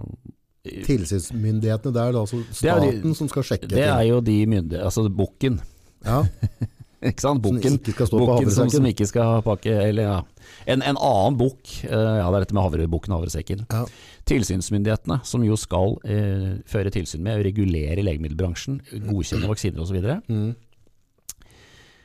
For det første så er det jo svingdør uh, med de ansatte, og det har jo gode grunner for seg. Hvis du er god på vaksiner, så jobber du i Pfizer den ene dagen, og så jobber du i FDA den andre dagen. Og så bytter du kanskje jobb hvert femte år. Mm. Så at kompetanse går frem og tilbake mellom privat næringsliv og myndigheter, det er jo uunngåelig. Ok, det er normalt. Det er jo normalt. Ja. Men, men det kan jo gi noen uheldige uh, habilitetsvirkninger. Mm. Eh, og så har man i hvert fall eh, for eh, USA og for England med flere, så, så ser man jo gjennom altså, Hvis du skal godkjenne en vaksine, så, så, så tar jo disse tilsynsmyndighetene gebyr for saksbehandling. Ja. Så gjennom gebyrsystemer så viser det seg at disse tilsynsmyndighetene det er jo en 80-90 f- finansiert, rent faktisk, av legemiddelbransjen. Ok, det burde det ikke vært i hele tatt. Nei, men sånn er det. Ehm, så, så igjen eh, det, det er jo i hvert fall sånn at dette er jo en, en struktur eller et fenomen, en, en måte å innrette ting på som gir en, en grunnlag for uh, altså Det gir i hvert fall en mulighet for samrøre og uheldige økonomiske bindinger. Mm. Uh, og jeg, jeg syns jo at i forbindelse med denne pandemien så har jo dette konspirasjonsteoretikerbegrepet blitt misbrukt ganske Mm. betraktelig. Um, I mitt hue så er det ikke en avansert konspirasjonsteori å hevde at legemiddelbransjen og dens investorer ønsker å tjene penger. Det kan vi være enige om alle. Det må vi kunne være enige om Ja, alle. Legemiddelbransjen ønsker å tjene penger. Det er, det er legitimt. Bill Gates har gjort 1 på 20 og er fornøyd med det. Det er lov å tjene penger. Mm. Det er lov å tjene penger, det er lov for investorene å ønske. De forventer avkastning på sin investering i selskapene. Dette er helt legitim Altså det, Dette er jo sånn butikk. Da sier jeg ikke butikk, men butikk, altså forretning. Mm. Forretningsvirksomhet. Den skal jo tjene penger. Mm. Poenget er jo bare at det skal ikke være de samme kreftene som skal tjene pengene, som også skal godkjenne de produktene som skal til markedet. Nei. Og her er det jo da noen utfordringer Mm. i, rundt dette. Det burde også være helt kurant å si høyt. Mm. Mm. Og da tilbake til eh, si, det som jo egentlig var eh, hovedbudskapet her. Eh, det er jo at igjen, når vi nå, myndigheter over en hel verden, har fått med folk på dugnad, så skal vi passe på de som var med på dugnaden. Det er liksom det, Det er det minste. Det er, liksom, det, er det minste. Um, og nå så jeg på noen tall. Uh, du snakker om at vi var på Hadeland. Uh, i, altså per oktober så var det 795 uh, totale, totalt antall søknader til NPE Mm. uh, knytta til Det var veldig få. Ja, målt opp mot uh, disse bivirkningsrapportene, så er det veldig få. Da var, det, uh, da var ikke alle ferdigbehandla. Uh, da var eh, på det tidspunktet 439 ikke avgjort, men 83 stykker hadde fått medhold, og det var utbetalt 2,5 millioner kroner i erstatning per oktober. For 83 stykk. Det er også litt, kan være litt lavt, det der som jeg var inne på i stad. Altså hvis- noen vil jo ha to parkeringsregninger og et plaster. Mm. Dette er flåste eh, eksempler, men, men liksom, noen, noen har ikke et stort økonomisk tap. Eh, men, men det kunne nok hende at det er noen som har uh, At hvis du deler 2,5 millioner på 83, at det ser litt sånn lite ut. Men jeg har en kompis som var med og tok tok sin del av dugnaden, eh, og var egentlig veldig positiv på det. Ja. Jeg møtte han i forkant, og, og han var veldig klar på det, men så, også, nå som han sier han angrer veldig på at han tok toeren. Det gikk en dag etter han tok, eh, og så ble han syk. Eh, Jeg tror han har vært på Sunnås på rehab og greier. Eh, fått noen sånne nervesmerter Mm. og noe ditt og datt. Han har ikke fungert, altså han er ikke i jobb, han er sykemeldt, han har ikke fungert siden han gjorde dette der, og får ikke gjort noe hjemme. Altså han, han er ordentlig, ordentlig dårlig. Men så lenge han får sykepenger, han kan ikke jobbe, han har kanskje litt, altså, det er, det, det, ett og et halvt år hjemme, Ja. Nei, opp, og, opp og rehab i uh, ukevis. Det burde være en plaster på såret der, altså. ja, um, også for å ta det, da. Altså, det er som du sier, han får sykepenger. øh, og det, det, gjør jo også noe med at øh, altså, erstatningsrett i Norge er øh, mer ned på bakken enn erstatningsrett på amerikansk TV. Ja. det har med flere ting å gjøre. Eh, vi skal ta en oppvei på det òg. Så kan du si at eh, formålet med erstatning For å begynne i USA, da. Bare for å ta liksom det. eh, Vi, husker sikkert alle det, i hvert fall det mest outrerte eksempelet jeg har hørt om. Det var hun som eh, kjører inn på drive-in på McDonald's, kjøper en kopp kaffe, setter den mellom beina og begynner å kjøre bil igjen og opererer brems og gasspedal, eh, og søler kaffe i sitt eget fang. Jeg husker ikke beløpet hun uh, fikk av McDonald's, men da snakker vi et mangesifret millionbeløp. Oi da. Ja. Um, og hvorfor får hun det i USA? Uh, og Det har noe med formålet med erstatningen å gjøre. I, I Norge som jeg skal komme tilbake til, så tenker vi at man skal få de utgiftene man har hatt. I USA så tenker man at man skal få McDonald's til å lage bedre lokk. Ikke sant? Vi ønsker å stimulere til at de store bedriftene, og bedriftene i USA er store, at de legger forholdene til rette, har gode lokk på kaffekoppene sine, for å ta det eksempelet. Eh, De holder gulvet i kjøpesentrene tørt, så ingen sklir og slår seg osv. Mm. Og for å få til det, hvis vi da måler ut en erstatning til hun dama på liksom én tube brannsalve og så ny dongeribukse, eh, så kommer McDonald's og bare le av den. Vi må utmåle en erstatning som får McDonald's til å ha lyst til okay. å lage bedre kaffelokk. Skjønner. Og hvis vi skal gjøre det, så må vi utmåle erstatning som McDonald's kjenner. Ja. Og vi er, vi, vi er da fullt innforstått med at hun, sjåføren, da vinner i lotto. Ja. Ikke sant? Ja. Men, men det gjør ikke noe, Nei. for vitsen er at McDonald's skal lage bedre kaffelokk neste gang. Ja. Og Da blir er sånn- okay. Ja, da skjønner jeg- da skjønner jeg den- Det er, det er amerikansk tankegang. Eh, norsk tankegang er mer sånn at og det er to ting. Det, det ene er at vi har velferdsordninger i bånn. Mm. Som du sier, man, man får sykepenger. Eh, og du betaler bare egenandel hos legen. Du, egentlig så får legen mye mer betalt enn de 300 kronene du betaler Ja. når du er her. Uh, og så videre. Så du har det. Og så har vi da at formålet med norsk erstatning, det er bare gjenoppretting. Mm. Har du da kjøpt deg tube brannsalve og måttet kjøpe en ny dongeribukse, så er det 900 pluss uh, 129 kroner og 50 øre. Mm. Også en egenandel hos legen på 300 kroner, og så parkeringa ute på gata. Det er liksom Nå drar jeg dette litt ned til Ja, bakken igjen, da. ja, ja, Men, ja. men, men, men, men det, er, det er liksom sånn. Um, så hvis vi da igjen går til disse pasientskadene, så er det det en ting vi ikke har nevnt. Uh, altså selvfølgelig, Hvis du går på sykepenger over tid, så vil det bli et gap mellom sykepenger og lønn. Det gjør det jo. Ja. Og igjen, tilbake til dette beregningssystemet. Bruk proff hjelp, få dette regna ut. Uh, og det er skatteeffekter, og det er, det er masse å ta hensyn okay, til her. ja.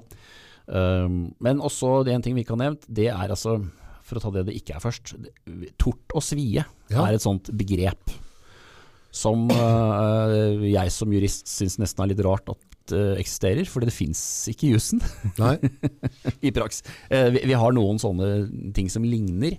Oppreisning, annet, hvis du har vært utsatt for liksom type mobbing, og det, det ligner jo på tort og svie. Eh, men du får ikke noe tort og svie for en pasientskade. Men vi har noe som heter menerstatning, som da for så vidt er, i hvert fall i prinsippet, uavhengig av det økonomiske tapet. Og det er hvis du får en såkalt alvorlig og eller varig skade, så utmåles det en, en symbolsk sum for det. Um, varig, det er jo at man, man regner det som sannsynlig at du kommer til å ha plager i mer enn ti år. Mm. Uh, Og men, altså du må ha mer enn 15% men. Og hva er nå det? Jo, det er Det finnes en tabell, jeg kan ikke. Uh, men altså, man, man, sant? hvis du mister en arm, så er det så og så mange prosent med en. Okay, Ja. Hvis du har brannsår, så så Eller, det var ikke ti år, men altså Du får en eller annen skavank, Ja. så er det tabeller, og det er det, det, så, så så mye er en finger verdt. Eller så og så mange prosent. Det er, Av kroppen, det er ja, skjønner, ok, sagt litt ja, ja, enkelt, ja. men Men da kan man regne ut da, ok, du, du har nå fått 27% men. Det er en medisinsk tabell. Kall, kall det det. Så det, det kan man måle ut erstatning for. Uh, men altså, nok en gang, uh, jeg vil på det sterkeste oppfordre uh, folk til å søke, men, men, prøver hele tiden å være Vi må være nøkterne realistiske på at det er ikke McDonald's-erstatning i Norge. men det er viktig det å være med på, på dugnaden og rydde opp etter nå, for skal vi få igjen tilliten til myndighetene, så må fakta på bordet, og så må vi kunne prate om det, sånn vi sitter nå. Burde, burde, være mulig å prate om det, burde være mulig å evaluere. Nå har vi jo hatt denne koronakommisjonen da, som har avgitt to rapporter. Nå har ikke den jobba med vaksinene som sådan, det har vært med de andre tiltakene. Mm. Uh, som jo kan jo være et uh, kapittel for seg, men jeg vet ikke om vi skal ta det i dag. Uh, men, men, men når det gjelder akkurat dette med vaksinene, og igjen, Folkehelseinstituttet har vært inne på det det er en reell risiko for at man oppnår det motsatte av det man ønsker å oppnå, nemlig at man oppnår at uh, entusiasmen rundt uh, vaksiner og folkehelse går ned. Mm, mm. Hvis man jo ikke har tillit til at det myndighetene står på pressekonferanse og sier, faktisk er sant. Mm. Uh, og, og, i hvert fall hvis man skal Man kunne jo tenke seg et sånt litt alternativt scenario hvor, hvor myndighetene i noe større grad sa vet du hva Eh, eller man kunne tenke seg for Uh, for tilbake til, uh, Vi har ikke snakka så mye om smittevernloven, men, men, sant, vi, vi, husker jo diskusjonen om vaksinepass, obligatorisk vaksinering osv. Hvis det er sånn at det virkelig var svartedauden mm. Det var virkelig 80 ja. som døde. Ja. Og vi hadde en vaksine som punkt én virka, mm. og punkt to var trygg. Mm så er det hjemmel, og det har vært holdt på å si, i gåsehudene alltid, det er hjemmel i smittevernloven for å beslutte vaksinetvang. Okay. Og, og, og, hvis de kaller det medisinske forutsetningene er til stede, så er jo det i, i gåsehudene greit. Mm. Altså, det er virkelig sånn at hvis vi ikke setter denne sprøyta på samtlige, mm. så dør 80 av oss. Mm. Um, mens hvis man tar det litt mindre ekstremt, så kunne man jo tenke seg at, uh, at myndighetene på en måte noe åpner sa at dette er Kanskje ikke svartedauden, men det er ganske farlig. Mm. Vi har en vaksine som uh, vi ikke helt har testa langtidsvirkninger på, men som fremstår som ganske trygg. Mm. Uh, men slett ikke. Vi kan ikke garantere at den er det. Men vi håper at så mange som mulig tar den. Og hvis så mange som mulig tar den, så skal vi plukke opp de som kommer galt ut av det. Mm. Og det er jo det Norsk pasientskadeerstatning er der for. Det mm. er jo nettopp det. Mm. Det er jo, det er jo og det har jo eksistert mye lenger enn covid-vaksiner. Mm. Nettopp fordi at vi, vi, har en tanke om at eh, helsevesenet der, det har sine begrensninger. Det er bivirkninger, det er uheldige utfall av operasjoner. Det, altså Pasientskader skjer. Mm. Uh, og det er i samfunnets interesse at vi allikevel har tillit til helsevesenet. Går inn der, lar oss operere, lar oss medisinere, lar oss vaksinere. Uh, og blir det noe gærent, så, så, så har vi et sikkerhetsnett. Mm. Så det er liksom Det er for n-te gang i dag. Uh, bruk det sikkerhetsnettet, og, og, ved å bruke det, så bidrar du i hvert fall indirekte også til at det fungerer bedre. Ja, det er enkelt og greit. Enkelt og greit. Ja. Da har i hvert fall vi gjort litt for å være med og bidra der, da. da du, du, gjør det i hvert fall, da. Ja. Så, så, det er helt uh, Den siste på tampen her. Uh, jeg har ikke klart å, å få meg sjøl til å sette meg inn i men jeg hører flere og flere som driver prater på det. Svab eller et eller annet. Klaus, eller hva, er dette for noe? du, du, er jo litt belest rundt. Altså, jeg, jeg, jeg, jeg, har bare ikke orka å hoppe i det. Jeg tenker på, Er det bare en ny konsp... Altså, jeg ser bare bilder av en eller annen sånn skrukk. Nei, altså, det er tilbake til det vi var i stad. World Economic Forum fins. Ja. Schwab er primus motor. Ok, Hvem er det? Hva har han drevet med før? Nei, uh, Han er jo en uh, Han er vel tysker. Ja. Um, han er jo egentlig en Rothschild ja. fra hans mors side. Så er, eh, så, uh, og hans uh, far var vel offiser i vedkommende land uh, på 40-tallet. Ja. det brukes jo mot den. Ja, naturligvis. Naturligvis. Um, han har jo um, en, en, masse ideer, og har gjennom, gjennom World Economic Forum hva skal vi si, vært en pådriver for det han kaller stakeholder economy. Um, Hva betyr det? Nei, hva betyr det? Det betyr at man, man, ser for seg et økonomisk system der alle stakeholders, altså ikke bare shareholders, aksjonærer, men alle liksom, alle interessehavere rundt næringsvirksomhet skal på en måte tilgodeses. Men hvis du leser dokumentene nøye, så, så ender det alltid opp med at det er aksjonærene som skal tilgodeses Ja. likevel. Uh, men, men dette, er konst, dette blir mer sånn konspitåka, eh, i den forstand at han er han Er det hele oppe der forumet der, er det nye Frimurlosjen, liksom? Bare at det er noe som fungerer? Nei, altså jeg, jeg tenker som så at eh, World Economic Forum er som jeg sa i stad, eh, det jeg har som mitt ankepunkt ved det, Ja. det er at det er representanter for folk møter representanter for egen lommebok. Det er en arena for samrøre. Ja. Um, Det bør være skilt. Okay, ja, ja. det, og så blir det jo liksom morsomt da at han Klaus Schwab han snakker jo med veldig sånn tydelig aksent. Han, han, han, han ser jo og høres ut som en sånn båndskurk, Ja. Uh, så det er, liksom, det er liksom umulig å liksom, ikke få de assosiasjonene. Um, så, så jeg, jeg vet ikke om vi skal bruke så mye tid, mer tid på han. Nei, nei. Um, Nei, bare, det er flere folk som nevner det på meg, så jeg, jeg har bare ikke hoppa inn i det. nei. For jeg blir egentlig føler meg litt sånn sliten av all driten som skjer rundt. Ja, nei, nei altså, jeg, jeg, jeg, igjen, jeg synes det, det jeg holdt på å si, Hold det mer jordnært. Altså, for en, igjen for tredje gang. Eh, det at vi har arenaer hvor altså, kan Motsatt si også at det er jo ikke noe feil i at eh, myndigheter og næringsliv altså de trenger å møtes og utveksle ideer. Eh, men det er litt Da bør det være for åpne dører. det bør være for åpne dører, og dette er ikke for åpne dører, det er for lukkede dører. Og det er ikke noe, hvis du kan bruke tid på weforum.org, det Ja. er World Economic Forums egne nettsider, Ja. Kan man jo gjerne lese der. Um, det er pakka inn i veldig pent språk. Det er visjoner om grønt skifte og alle, altså vaksinering og fattigdomsbekjempelse og sånn, men hvis du leser nøye nok, så er det noen aksjonærer som skal tjene penger hver gang. Mm. Uh, og dette med offentlig-privat samarbeid uh, gir i hvert fall en, en mulighet for, igjen, samrøre der næringsinteressene kommer i for tett inngrep med eh, valgte politikere, Mm. eh, og får eh, noe ut av det eh, på en ugrei måte. Så ja, eh, som sagt, når du da topper det med eh, sånn eh, nærmest karikaturaksent og noen rare kostymer som han går i, så, så blir dette helt James Bond. Ja, Det tar av. det tar av. Nei, jeg føler liksom at, at, at vi er på et sånn nivå men igjen, dette er bare, Jeg prater ut av ræva, men at eh, det hjelper ikke hvem du stemmer fram i politikken nå i Norge. Det, det sitter noen altså, virker som vi får samme røra uansett. Det er noen penger som, som får dytta på uansett. Så eneste måten er liksom, Hadde vi liksom fått inn Fiskeripartiet eller et eller annet, noen som ikke har noe eh, politiske porer. Steinar Bassesen. Ja, altså bare, Få tilbake Steinar Bassesen. et, ja, men, al- det, det, må, det må et nytt skifte til. For det virker det sitter for mange mennesker og lobbyvirksomheter på sida.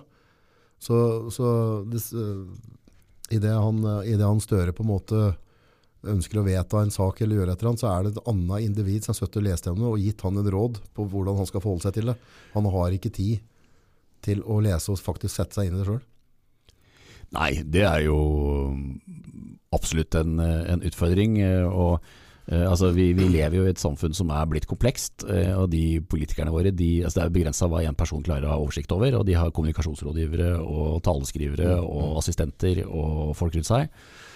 Eh, Og departementer som er fulle av folk som vi aldri ser. Vi vet ikke hvem de er. Eh, Det er ikke noe gærent i det. Altså Byråkratiet har alltid vært der og kommer alltid til å være der. Eh, Det som jo igjen er Altså Politikere er også mennesker.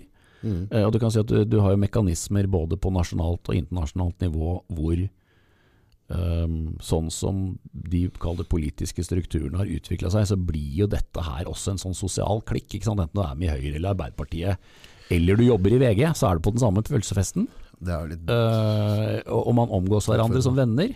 Um, og samme, ikke sant. Man reiser til Brussel og spiser en kanapé sammen med Ursula von der Leyen. eh, eller man reiser til Davos og, og snakker med Bill Gates. Det er liksom de samme menneskene som omgås hverandre.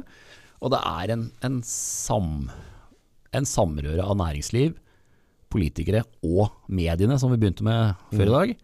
Eh, hvor disse opptrer på de samme arenaene, er på de samme festene, og, og, og det oppstår sant, vennskap, personlige lojalitetsbånd osv. Uh, Ja. kan, det kan man snakke tre uker om, eller tre minutter om, men, Ja. men at, at, at dette samrøret er der, det ja. er i hvert fall en utfordring. Men føler du at det samrøret nå, på den, den perioden vi har vært gjennom, føler du at myndighetene har gjort et overtramp mot det norske folk da? Ja, jeg, jeg føler nok det. Uh, Jeg syns at de har pressa litt for hardt, basert på det som uh, viser seg å være et ufullstendig kompetansegrunnlag, eller kunnskapsgrunnlag. Um, og uh, jeg syns at man skulle vært mer uh, edruelig uh, i kommunikasjonen. Altså, hvis man går tilbake igjen da, til, uh, til utgangspunktet, uh, så, så er det, oppfatter jeg disse dokumentene som jeg har sittet og lest, slik at, at Folkehelseinstituttet opprinnelig mente at man skulle vaksinere de over 65 og risikogrupper. Mm. Uh, og der kan du helt sikkert regne hjem forhold mellom nytte og risiko på en annen måte enn for en frisk tolvåring. Mm. Um, og det kunne man vært uh, ryddigere på. Helt klart. Vi legger inn noe kontaktinfo, hvis noen vil ha det skjema og sånne ting. Yes, Så slenger på litt i teksten, folkens. Og så Tusen takk for at du tok deg tid. Setter veldig pris på det. Det var eh, litt sånn opplysende, litt sånn forfriskende. Altså, det, det er noe med å det, er- det er litt godt, og jeg tror det er veldig mange som går med en magefølelse eller mistanke. Og så når det blir prata på, liksom, så får du enten debunka det, eller på en måte om du får satt på plass. Da, du, du er ikke, vi er ikke alene. Det, når alt kommer til alt, så er det vi borgere i Norge. Vi får ta vare på hverandre sjøl. Og politikere er utgangs- utgangspunktet ansatt av oss. Det er jo myndighetene. De er våre arbeidere eh, og, og lever av, eh, av inntektene fra landet vårt og skattene våre. Så, så vi har noe å si hvis vi står sammen. Skal ha det. Det skal liksom være vitsen i demokratiet. At det er vi som bestemmer. Hjertelig. Takk for meg.